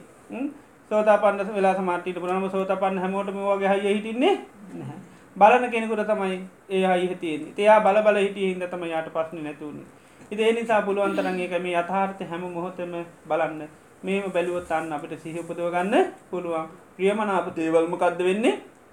නස්සලට ඇත්වේ නන එතර බුදුරජාණන් වහන්සේගේ මූලක ගැන්නීමටම මුල ගලවල දාන්නම අපි දෙයක් කරන සාාවකය බවට පත්වෙන මුලික ගැන්වීමකක්ද චන්දරාගේ දුරු කරන්න. එතර අපි භාවනා කරන්නෙම වේදද චන්දරාගේ දුරු කරන්න. එතර මූලික ගැන්වීමට ප්‍රතිකර්මයක් කරන්න. ආන්නක හිත ඒ නිසා පුළුවන්තරම් යනින් එනින් ගමන් ඔය සිහි කරන්න. මොක අපි ඇලින් ඇති කරගෙන තියෙන පරිශංක කරගන්න නෙවෙන නේද? ඇලින් ඇති කරගෙන තියෙන කොහොමද? ඔය යනින් එනින් ගමන් උයන පියන ගමන් තමයි. නේද? ඉති නැති කර ගණ්ඩත් සතර ඉරියව්වේම පුළුවන්. බුදුරන් වන්ස ගැන සතර ඉරියව්වේ මෝක වාසය කරන්නකි නොහෙම හතර ඉරියව්ම කරන්න පුළුවන්. තියෙන්නේ දැම්මකක්ද කැමැත්ත නැති පස්න ඇතිට ඒ වහිතන් අපි හරි අකමැති. කැමතිමකේටද තියෙනවා හිතන්ට තමයි කැමති. ඕක තමයි තියෙන්නේ. ඒ නිසාප ඒක හිතන් හරි අකමැති. අපේ දේවල් විනාසයනවා නැතිවෙනවා කියල හිතන්ට සාමාන්‍ය හිත කැමති නැහැ. ඒකයි පියමනාප දේවල් ඒකයි. හෙට වෙනකොට මට කවරුත් නැතිවේ කියල හිතන්න කැමති නෑ හිතේනු තව ඉන්න පහට තව පහක් එකතුවෙන් ඕන කියර තමයි කැමැත්ති තිීන් ඉති ඒමයි තියෙන් ඉතින් නමුත් වෙනස් වෙලා නැතිව යන්න පුළුවන් හැමදේම මොහොතින් අපිට සියල්ල අහිමිවෙන්න පුළුවන්. එහෙම ස්වභාවයන්ට ලෝක පත්වෙනවා ඉති ඒ ගැන නුවනින් දැක්කොත් එයාට ප්‍රශ්නයක් නැහැ. එයාට අන්න දුකින් නිදහස් වෙන්න පුළුවන්. ඉති නිසා පුළුවන් තරම් මේ භාවනා පුරුදු කරන්න මේක හොඳ විපස්සනා භාවනා මේක භාගතුන් වහන්සේම කියප එක ඒකේ තාන සූත්‍රය ඔන්න ගැරම් බලන්න පුළුවන්. මේක එක තව තියෙන කරුණු පහස්සේ කරන්න. මේ පහසේ කරනවනන් වහන්ස කියන්නේයාට සංයෝජන නැති කරන්න පුළුවන් අනුශේ ධර්මයන් නැති කරන්න පුළුවන් එත දස සංයෝජන නැතිවෙනවා ගැන මොකද වෙන්නේ? රහත්වෙනවා එත රහත්වෙනකං භාවනා කරන්න පුළුවන් භාවනා මනසිකාරයක් කමටහන එනිසා පුරුදු කරන්න සියලුවම ප්‍රියමනාප දේවල් මොකද වෙන්නේ? නානාභාවෝ විනාභාව. සබ්බේහි මේ පියෙහි මනාපේහි නානාභාව විනාභාව. මා සතු සියලූම ප්‍රියමනාප දෙවල් මොනවද වෙන්නේ? වෙනස් වෙලා නැතින ඕක නිතරපුන ඉතින් බලන්න පුළ මොනවද වෙනස් වෙන ප්‍රියවස්තු පිය දේවල් මොනවද? එකින් එක බලන්න පුළුව එනම් හොඳයි. හැම දෙනාම ඉතාම සද්ධා ගෞරු බත්ති යුතු දෑසන පටම් මේ මොහොත දක්වා ලෝතුරා බුදුරජාණන් වහන්සේ අපේ ජීවිත සුවපත් කරන්ට ඒ දේශනා කරපු වටිනා ධර්මයක් අපි ඇහුම් කන්දුන්න සාකච්ඡා කරා. ඒ තුළින් අපේ චිත්ත සන්තාන තුළ මහා වටනා පුුණ්‍ය සත්‍යයක් අත්පත් වනා උදෑසන පටම් මේ මොහොත දක්වා ධර්මස්වනය කිරීමෙන් ඊළඟට ධර්ම සාකච්ඡා කිරීමෙන් භාවනා කිරීමෙන් දානමානාදී ප්‍රපස්ථාන සිද්ධ කිරීමෙන් සීලේක පිහිටියකින් විහිටීමෙන් දාන සීල භාවනාදී වසේ මහා වටනා පුුණ්‍ය සත්‍යයම් මේ පින්නත් සැමද නාම තම තමන්ගේ චිත්ත සන්තාන් තුළ රැස් කර ගත්තා ඒ මේ උදාරතර පුුණ්‍ය ධර්මයන් නමින් මිය පල්ලෝගිය සිරූම ඥාතීන්ට අපි මේ පින් අන්මෝදං කරමු. සිරු ඥාතීන් මේ පින දැක අන්මෝ දංව සැපවත් භාවයට පත්වේවා පාර්ථනීය බෝධියකින් සාන්ත අමා මහා නිවනින් සැනසේවා කියල පින් අනුමෝදන් කර. ඒවගේම මේ රැස් කර ගත්තා වූ සකලවිත කුසලාන සංස ධර්මයන් සීරු ලෝකවාසී සත්වයන්ට අනුමෝදං කරමු සීරු දෙවියන්ට අනුමෝදං කරමු පින් කැමිති දෙවියෝ සීරු සත්වයෝ මේ පින දැකන් මෝදංව සැපවත් භාවයට පත්වේවා පාර්ථනී බෝධියකින් සාන් තමා මහ නිවෙනින් සැනසේවා කියලා පින් අනුමෝදං කර. ඒවගේම මේ රැස් කරගත්තා වූ සකලවිද කුසලාන සංස ධර්මයන්ගේ හේතුවෙන් බලයෙන් මේ අවස්ථාව අපිට සලසලා දුන්න මේ ස්ථානයේ ඒ නායක ස්වාමීන් වහන්සේටත් අනිකුත් ගෞරණී මහා සංගරත්නයටත් අපි මේ සිද්ධ කරගත්තා වූ ධාර්තරපුුණි ධර්මයානු භා බලෙන් උන්වහන්සේලාට සිත සාන්තිහාපති නිදුක් නෝගි සුවපත් භාව ලැබේවා. සම්බුද්ධ ශාසනය තුළ මෙවැනි උතුම් සත්ක්‍රියාවන් සිත කරගන්න උන්වහන්සේලාට සත්‍යය දහිරි ලැබේවා. නාන්සේලාද පාර්ථනී බෝධියකින් සාන්තමා මහනිවෙනින් සැනසේවා කිලපියාසිරවා. ඒවගේම මේ සඳහා සංවිධාන කටයුතු කරගත් සින්න සැම දෙනාටමත් දානමානාදෙන් අප පස්ථාන කරපු පින්නත් සැම දෙනාටමත් මේ සාභි සාභාගෙන මේ පින්න සැම දෙනාටමත් පවුල්වල දූදරු ඥාතිමිත්‍ර හිතයිසේ සෑම දෙනාටමත් මේ රැස් කරගත්තා වූ උදාරතර පුුණි ධර්මයානු භහ බලය බුදු පසේ බුදු මහරාතුන් වහන්සේලා ගැනන්ත ගුණානු භහ බලය සැම දෙනාටම සිතක් වේවා සාන්තියක් වේවා යහපතක් වේවා නිදුක් වේවා නීරෝගි වේවා සුපත් වේවා. රජුන්ගෙන් සොරුන්ගෙන් ගෙන්නෙන් ජලයෙන් වස විසාධයකින් කිස්මන්ත්‍රාවක් නොම වේවා. හිසේ පටන් දෙපතුළ දක්වා තිබෙන සියලූම රෝගාබා දලහොත විදියක් තක්මින් දූරී භූත වේවා. සෙත සාන්තියහපත උදාපත් වේවා. කරගෙන යන රැකී රස්සා දරුවන්ගේ අධ්‍යාපන කටයුතු ආදී ඇත්නගේ වස් සාර්ථක වේවා. තව තවත් සම්බුද්ධ ශාසනය තුළ මෙවැනි දානාදී පින්කන්සීලාදී ගුණ ධර්ම සමති පශනා භාවනාවන් දියුණු කරගන්න. සත්‍යය දහිරේ වාසනාව චිර ජීවනය දීර්ගාවශ ලැබීවා කියලා. හොඳයි දෙවියන්ට ඥාතීන්ට පින්පෙත් අන්මෝදන් කර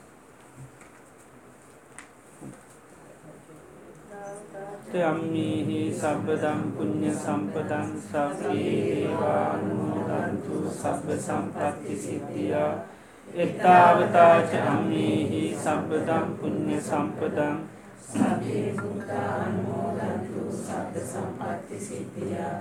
එතාවතාචම්මේහි සම්පදම් පුුණ්්‍ය සම්පදන් සබේ සත්තා අනුමෝදන්තු සබ්බ සම්පත්ති සිද්ධියා ඉමිනා පුං්ඥ කම්මේන මාමී බාල සමාගමු සතන් සමාගමෝ හෝතු යාවනිපාන පත්තිය ඉදම් මේ පුං්ඥ කම්මං ආසවර්කයා වහන් හෝතු සබ්බ දුකා පමුචතු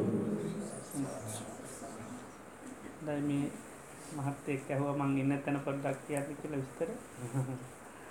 මේ බලංගොට තමයි වැඩින්නේ ස්වාමන් වහන්සලා ඉන්නවා විසි පහකට වැඩි මේ තනි තනියෙන් තමයි ඔක්කොම සායනසල වැඩින්නේ එක ගමකට එක කුටියක් ගානේ තියෙන සාමාන්‍ය ආරණ්‍යයක් වසෙන්නෙවේ ආරණ්‍යක තියෙන එක තැනන.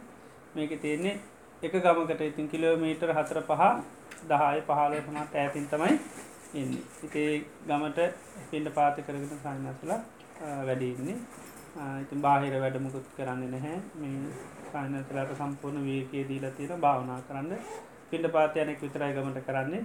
පහෝදා වෙනකං ආය සමට කවරුත් මුණ ගැහෙන්නේ නැහිතින් ගම්වලත් දැම් මිනිස්සු පුරු වෙලා තියෙන ඉතින් කවරුත් එන්නේ යන්නේ මොකුත් නෑ ඉතින් මේ අපි ගිලං හලක් හදල තියෙනවා. ස්වාමීන් වන්සලාට අසනයපුනාම ඇවිල ප්‍රතිකාර කරග ඊළඟට අවශ්‍යය සිවුරු පිරිකර අවශ්‍ය හැම දෙයක්ම ඉදලක් කොස්සක් වරන්න හැම දෙයක් මැර යන්න.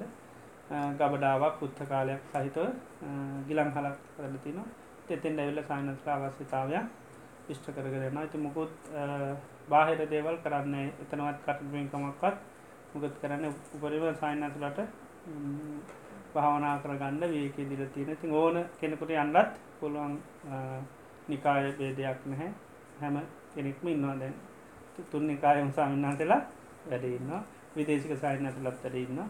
අපි ඕන කෙනෙකුට අවස්ථාව දෙනවා. මූලික ශිස්සාප ධාරශා කරනවන ඕන කෙනෙකුට අවස්ථාව දෙනවා. මේ තේවිදියට සමනස්ල දැන්ට විස් පහක් වැඩි වගේ වැඩින්න විදේශික හමුරුත් කීපනමක් ඉන්න සත්වන්න ඒක එක සමාරකුටිවලට ඒ වගේ අලීගුණ ගැහෙනවා. ඉතින් කොමත් සර්පයෝ කැලේ ඉන්නවන්. සර්පය ඉන්න ඉතින් කරදරයක් ගෙන්න්න හැ විශේෂෙන් සර්පයන්ගෙන් කරදර නෑ. මෛත්‍රී භාවනාව තියෙන එක ඒක දියුණු කරනවන මේ සර්ප කරදර නැහැ. මකක්දේ පිරිතර කියන්නේ? කන්ද පිරිත ඒක භාවිතා කරනවන උන්වහන්සේ කෑනේ නානූුණු සෝභික වෙන්න නැහැ කියන. ඒක බුදුරයන් වහන්සේ කියන වගේම සයින්නසරට එහෙම කැලෑවල හිටියට කවදාකත් සර්පයන්ගෙන් කරදර නැහැ. ඉතින් පෑගුණත් ඇතුළම දෂ්ට කරන්න නැහැ. ඒ වගේ ලොක මේ කත්තියෙන තින් අලි වනත් ඉතින් දැක්කොත් ආපස්සු හැරලා යන්න ඉතින් එහෙම කලබල කරන්න හිතේ කුලප් වෙච්ච වෙලාවක කරදරයක් වුණොත් තැරෙන්න මුත් බයවෙච්ච වෙලාව කැරෙන්න සාමාන්‍යයෙන් ගත්තොත් තුන් එහෙම ඒව කරන්නේ නෑ සාමාන්‍ය දැකොත් මේ හැරිලා ඒ කට්ටිය ඒ පැත්තේ පැත්තේ යනවා. ඉතින් ඒ වගේ සමහර කුටිවල තමයි එහෙන් හැම කුටියකටම නැහැ. ඉතින් ඔක්කොම කිලෝමීටරයක් දෙකක් තුනක් හතරක් ඈතින් තමයි තියෙන ගමේ ඉඳලා. කැලේට වෙන්න රස්සිතේ තමයි ඔක්කොම රජයේ කැලෑවල තමයි තියෙන්නේ ඒ පැත ගොඩා ගල්ලෙන් තියෙන ඉස්සර පුරාණ කාලේ ගල්ලෙන් තින ඒතම ගොඩක් කුටි හදලති අලුතෙන් හදපු කුටිත් තියෙන කුටිත් ඒක විදි තින මැටි කුටිත් තියෙන ලෑලි කුටිත් තියෙන ගඩොල්ලොලින් හදපු අත්තියෙන එක එක විදිේවා තියෙන කූරගල ළඟම තමයි ගිලන් හලතිය යනවා කට්ටීත එක මුස්ලිම් අය තමයි පරිහරණය කරන්නේ නමුත් සිංහල ඇතුව ගිහිල්ල බල්ලෙන ග ලොකූ ගල්ලෙනත් තිීන් චෛත්‍යයක් එහෙම පරන්න තිබුණු ඒව නටබුන් තියෙන ඒ කිට්ටුම තමයි අප ගිලං හලතිී නෑ අප පිට පාතය මත් බෙදන ගෙවල්ලොට ගියොත්තේ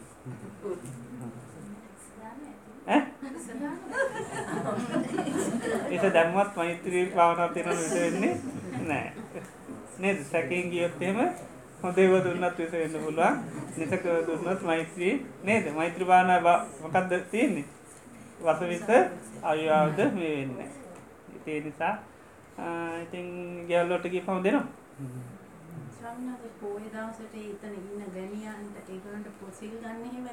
සිල්ගන්න හැම ගමකටම පන්සල් තියනට තේව එක තම ටික් කරන්නේ. අපි ඉතින් මේ විශේෂ වැඩසටාන් කරමකුත් කරන්න හැ ඉතිං මොනහරි පුද්ජලිකෝ භාවනාවක් කරේ මේ ඔන්න දරගන්න. එහෙම අපි තහනම් කරලා නැහැබැයි එන්නේ නැහැමිනිසට එහෙමඉතින් භාවනා පැත්ත වැඩිය තේරුමක් නැඇති කරන්න ඕනිකමකුත් නැහැ. මනවාරි මානසික ගැඩලුවක් කරේ මේ වුණු ගමන් අපි අවත් කියල දෙනවා. ගම පන්සල්ට නෑ එහ අපි අර සයිනන්සලාට ඉතින් ඒක නිසා බාහිරවල මුකුත් කරන්නේ නැහැ වෙනත් ආරන්වල ගිහිල්ල සයිනසල බල කියනවා. මේ ඉන්න තැන්වල. මෙතෙන් ආවට පස අපි මෙතන හදර තියන්නේ ඉතින් පුළුවන්තරම් සයිනසලාට වේක දෙෙන්ට ඒ නිසා බාහිර වැට මුකුත් කරන්න මවුනත් එහෙදී වන කියන්නේ නෑ ඒ නිසා මහනුනේ නාවනේ ආරන්නේ දැන් මේ බලංගොට්ට ගිහිල් අවුරුදු බං දහයකට වැඩි ම යනකොට එක කුටියක් පමණ තිබ පොඩි දැල් කුටිය තිබුණනාදී හතරයි හයක වගේ. ඇර යන්න පුළන් එකත් තැනින්ට. සයින සලමත් ගිහිල් අතැල්ල දාගේ එක ඊට වස මට ආරංචිල මම නාරහෙන් පිට හිටිය කොළඹ. එහින්දල තමයි මම ගේ බලංගොලට ගිහිල්ල ම ඉතින් කාලයක් ඉන්නකොට ඉතින් සයිනසල එක්කෙන දෙන්න බලන්ඩ ඇවිල්ල තුන්නාසලත් නතර වුණා. එහෙම තම ස්ථානයක් කදන්නගේ එකන්නෙවේ ඉතින් මේට පස්සේ සයිනතර ඉතින් ගොඩාක් එන්ඩෙන්ඩෙන්ඩ පිරිස් වැඩි වුණා. ඉති ඊට පස්ස ඉතින් කට්ටියගේ උදව උපකාරයෙන් මෙ ළම මෑනියන්ගේ මල්ලි එහෙම ගොඩක් උදව් කරම කුටි හදලා තියෙනවා. ඉතින් ගොඩක් බලන්නේ කට්ටි තම කට්ටිය කණ්ඩායමක් ඉන්න මෙහෙමයි අපි අර ගිලං හලට කියන්නේ බද්ධයක විහාර උපස්ථානකුතිය කියලා. එම නැතුව ආරණ්‍යයක් වසයෙන් නැහැ. ඒ ගිලං හල්ට විතරක් ඒ නම තියෙනවා ඉති එතෙන්ට තමයි සයිනසල ඉතින් එකතු වෙන තැන.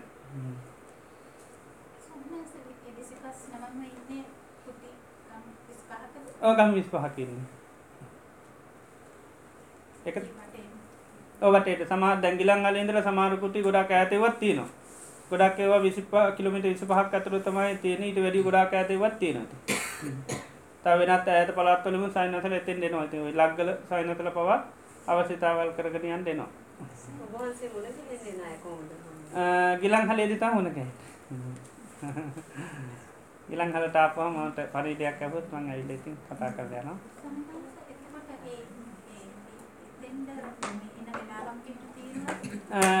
විශේෂම කන්න හිතින් ගොඩක් කලාතුරින් තම කෙනෙක් කවත්තෙන් ඉතින් නිසා මේකක්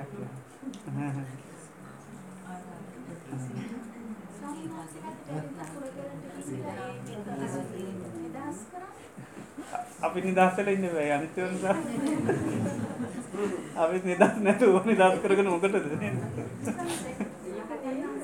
ඒක තමයි ඉතින් මේ රාතන් වහන්සල හිටිය තැන් ඒවනට ඒව කරගන්න ගියොත්මක දෙන්නේ ඒවා ගන්න මොකද දබි ගන්න අපේ හිත් අදාගන්නන හිත හිත හදා හිත කඩාගෙන ඇරන් දෙයක් වැඩක් නෑ. බුදුරන් වන්සේ අනුමත කරන්න හැ ඒක ඉඩ දෙන්න උන්වහන්සේ සීලේවත් අඩුම ගානය හිත කඩාගෙන සිල්රකින්ද එපයි කියන සීලේවත්. සීලේ නිතාවත් අයිසුක අයිතිවාසකන් කතා කරන්න කිල්ලා එහෙම හිත දූෂණය කරගත්තු මොක දෙන්නේ ඒත් වැඩන්න මොකද ඔක්කොම තියෙන කැමැත් අයින් කරන්න. කැමැත් අයින් කරන්න තියෙන. තේ අල්ලගෙන තවත් දෙයක් කරනවා කියන එක වැඩක් නැහැ. ඒ නිසා ති මෙහෙම ඇති ලෝකගේ අපිට අහිමිවීන් කියන වලාප කියනව අනිවාරයෙන් සිද්ධ වෙනවා. ඉතින් බුදුරජාන් වන්සේ ඉන්නකොටත් උන්වහන්සේට දෙවල් අලාප වෙනවා. ඉති සමහර දෙවල්ල උන්වහන්සේ විසඳ ගන්න සමහරව කරන්න දෙයක් නැහැ. උන්වහන්සේ ඉන්නකොට ඒක වලක් කණ්ඩ බැහැ ද උන්වහන්සේ ඉදිම කොටසක් කඩ නැරංගිය දෙව දත්ත හාමුදුර. ඉතින් ඒකල බුදසාධන දැන් අලාපයන්න ඉති තව පාසයක් ඉන්නකටම හැදවන කියන්න. නේද? නමුත් උන්නාසේකට කලබල උන්න යට යන්න දුන්න. ඊට පස්සේ ති උන්නාද බැලුව කරන්න පුළුවන් පුළුවන්. ඊට පස සැරිත්ම කලන් දෙනම ඇරිය ගිල්ල කරන්නාව ඉතේ වගේ සමාර දේවල් කරන්න පුළුවන් දේවල් තියෙනවා. සමාර දේවල් එහෙම අමාරු ඉතින් කොහමත් කරගත්තර කමන්න අපේ හිත් දෝෂණය වෙන්න ඇතුව වෛරය තරහා ඇති කරගන්න ඇතුව ලබාගන්න දේවල් ලබාගන්නුවන් ඒකයි. අනි එහෙම ලබාගත්තයක ඇති දෙයක් නෑ බුද්ධ සාධන පැත්තෙන් ඇති දෙයක් නැහැ. ඕ අහිමුණයි කියල බුද්ධ සාධනයට පාඩුවකුත් නෑ ඒකයි. ඉති ඒ නිසා අපි පුළුවන්තරන් ඒකයි. ඉතින් දේවල් ඉතින් අපිට හිමි වෙනවා අහිමි වෙනවා. සංසාරෙත් එහෙමයි නේද? අපි කාස බුදුරයන් වන්සේ සාසනත සමට ඉදල හොම ආතිවාදිකන් කතා කරලාවත් දන්නේ ඇ ඒ සාධනත අපිට ධර්මය අල්ලගත්තන තුනත් තේනිසායකයි අපිට මේක භාග්‍ය බලන්නට මේක බොහොම කලාතුරක මේ බුද්ධ ශාසනය ලැබෙන්නේ. ති බුදුරජාන් වන්සේ වෙනුව මෙහමයිති අපිට එතර නැතිවුණට අපිට දෙයක් බුදුරන් වන්සේ වෙනුවෙන් කරන්න පුළුවන්. ඒකත් උන්වහන්සට අයිති තැනක් තමයි. නමුත් ඒක අහිමුණට අපිට තවත් දෙයක් කරන්න පුළ මේ ධර්මය අන්න පුළුවන්තරන් අපි කතා කරලා දියුණු කරලා අනුමයකරොත් මොකද ශාසනයට ගෞරෝ ලැබෙන්නේ තැන්තිබීම පනේ බුදුරන් වන්සට ගෞරූප මේ ගුඩු තැන්තිබුණයි කියලා ලැබෙන්නේ නැහැ. ගොඩා බුදු පිළ හැදුවයි කියල බුදුරන් වන්සට තැන ලැබෙන්නේ තැන ලැබෙන මේ පුද්ජල හැදෙන් ෝන පුද්ජල අභිමානුවත්වෙන් ඕන. එතවට ඒ ගෞරය තතාගතයන් වන්සේ ඉරජුවම ලැබෙන් අපි අභිමානුවත් එල්ල වෙන්නමකද වෙන්නේ? අපි කෙලෙස්වලින් නොසැලෙන පුද්ජලයන් බවට පත්වනොත් ටිකටික හරි. ආන ඒ ගෞරය ලැබෙන කාටද? ද්‍රයන් වහන්සේ අපි දැ මේ භාවනා කරන පිරිස පොඩ්ඩක් කරි වැරදුන කාරත් දෝසියන්නේ ඔය භාවනා කරනය හැටිද කිල්ලහොත් යන්න කාර දැත්තර උදයන්නාසෙන්නේ ඒකයි. තේනිසා පුළන්තරන් ඒකයි ඉතින් බලන්ඩෝනි අපි අර බුදුරජාන් වහන්සේ උන්හන්සේ කිව ප්‍රතිපත්තිය පුළුවන්තරන් උන්හන්සට පූජ කරන්න. ඒ නිසා හැකි පමණින් මේව කරන්න ඕට ඉතින් පුළුවන් දේවල් අපි කතා බා කරලා මේකර ගතර ගැල්ලුවක් නැහැ. ඉතින් බැඩි දේවල්ලට සටන් කරන්න ගිල්ල ලබාගන්ඩ ගත්සකි ලපි කරන්න ඇත්තම වැඩගුත් නැහැ. ඒ නිසා ඉතින් ලෝක හොම තමයි ස්වභාවේතින් කලින් කලට ද ඉන්දයා බලන්ඩ නේද? ඉන්දයාගත්තත්තේ බුදුරජාන් වහන්සේට හිමිහිච්ච දැන් තිනො දෙකක්වත් නෑ එකක්වත් නැහැ. එක ඒව දැන් අපි බෞද්ධය නිකම් බලන්න මිසක් අයිතියත්ති නොදපිට නෑ ඒකයි. ඒ ඒක තමයි ලෝක සභාවිත අප ඒ ආබෝධ කරගෙන ඉතින් මේ පුළුවන් තරම් හිත් ආරක්ෂා කරගෙන කරන්න හිත ආරක්ෂා කරනවා ගැන තතාගතයන් වන්සට කර ලොකු ගෞරය ලොකු පූජාව ඒක ලොකු බුදුර බුදුරන් වන්ස කන පූජා මොකද උන්වහන්සේ බලාපොරොත්තුනේම මේ අපේ තියෙන චන්දරාගේ දුරු කරන්නමයි චන්දරාගේ දුර ඒ සඳහා අපි පොඩ්ඩක් හරි පිළිවෙත පුරුවත් ඒක උන්වහන්සේට කරන අපි ලොකු ගෞරය ඉතේ නිසා මේ ස්වභාවේ හඳුනාගෙන චුට්ටක් හරි අපි මේ ධර්ම අවබෝධ කරගෙන චුට්ට චුට්ට ගියොත්තේක ලොකු බුදුරන් වන්සට කරනලකු ගෞරය එනම් හොඳයි වෙලාගිල්ල කැමති යන්න. වන්දනා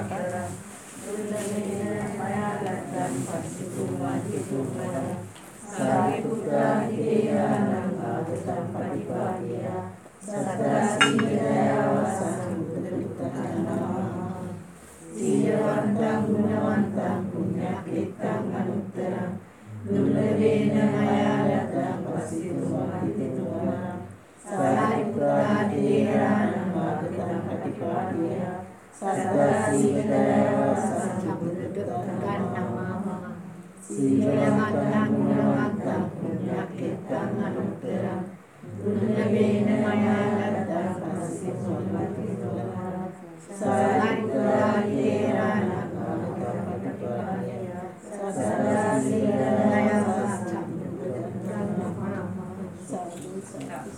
අභිවාදන සීලිස්ස නිච්චං උද්ධාපචායිනෝ චත්තාරු දම්මා වද්දන්ති ආයුවන්නෝ සුකම් බලං ආයුරාරෝග්‍ය සම්පත්ති සග්‍ය සම්පත්තිමීවච අතෝ නිබ්බාන සම්පත්ති මිනාතේ සමිජ්ජතු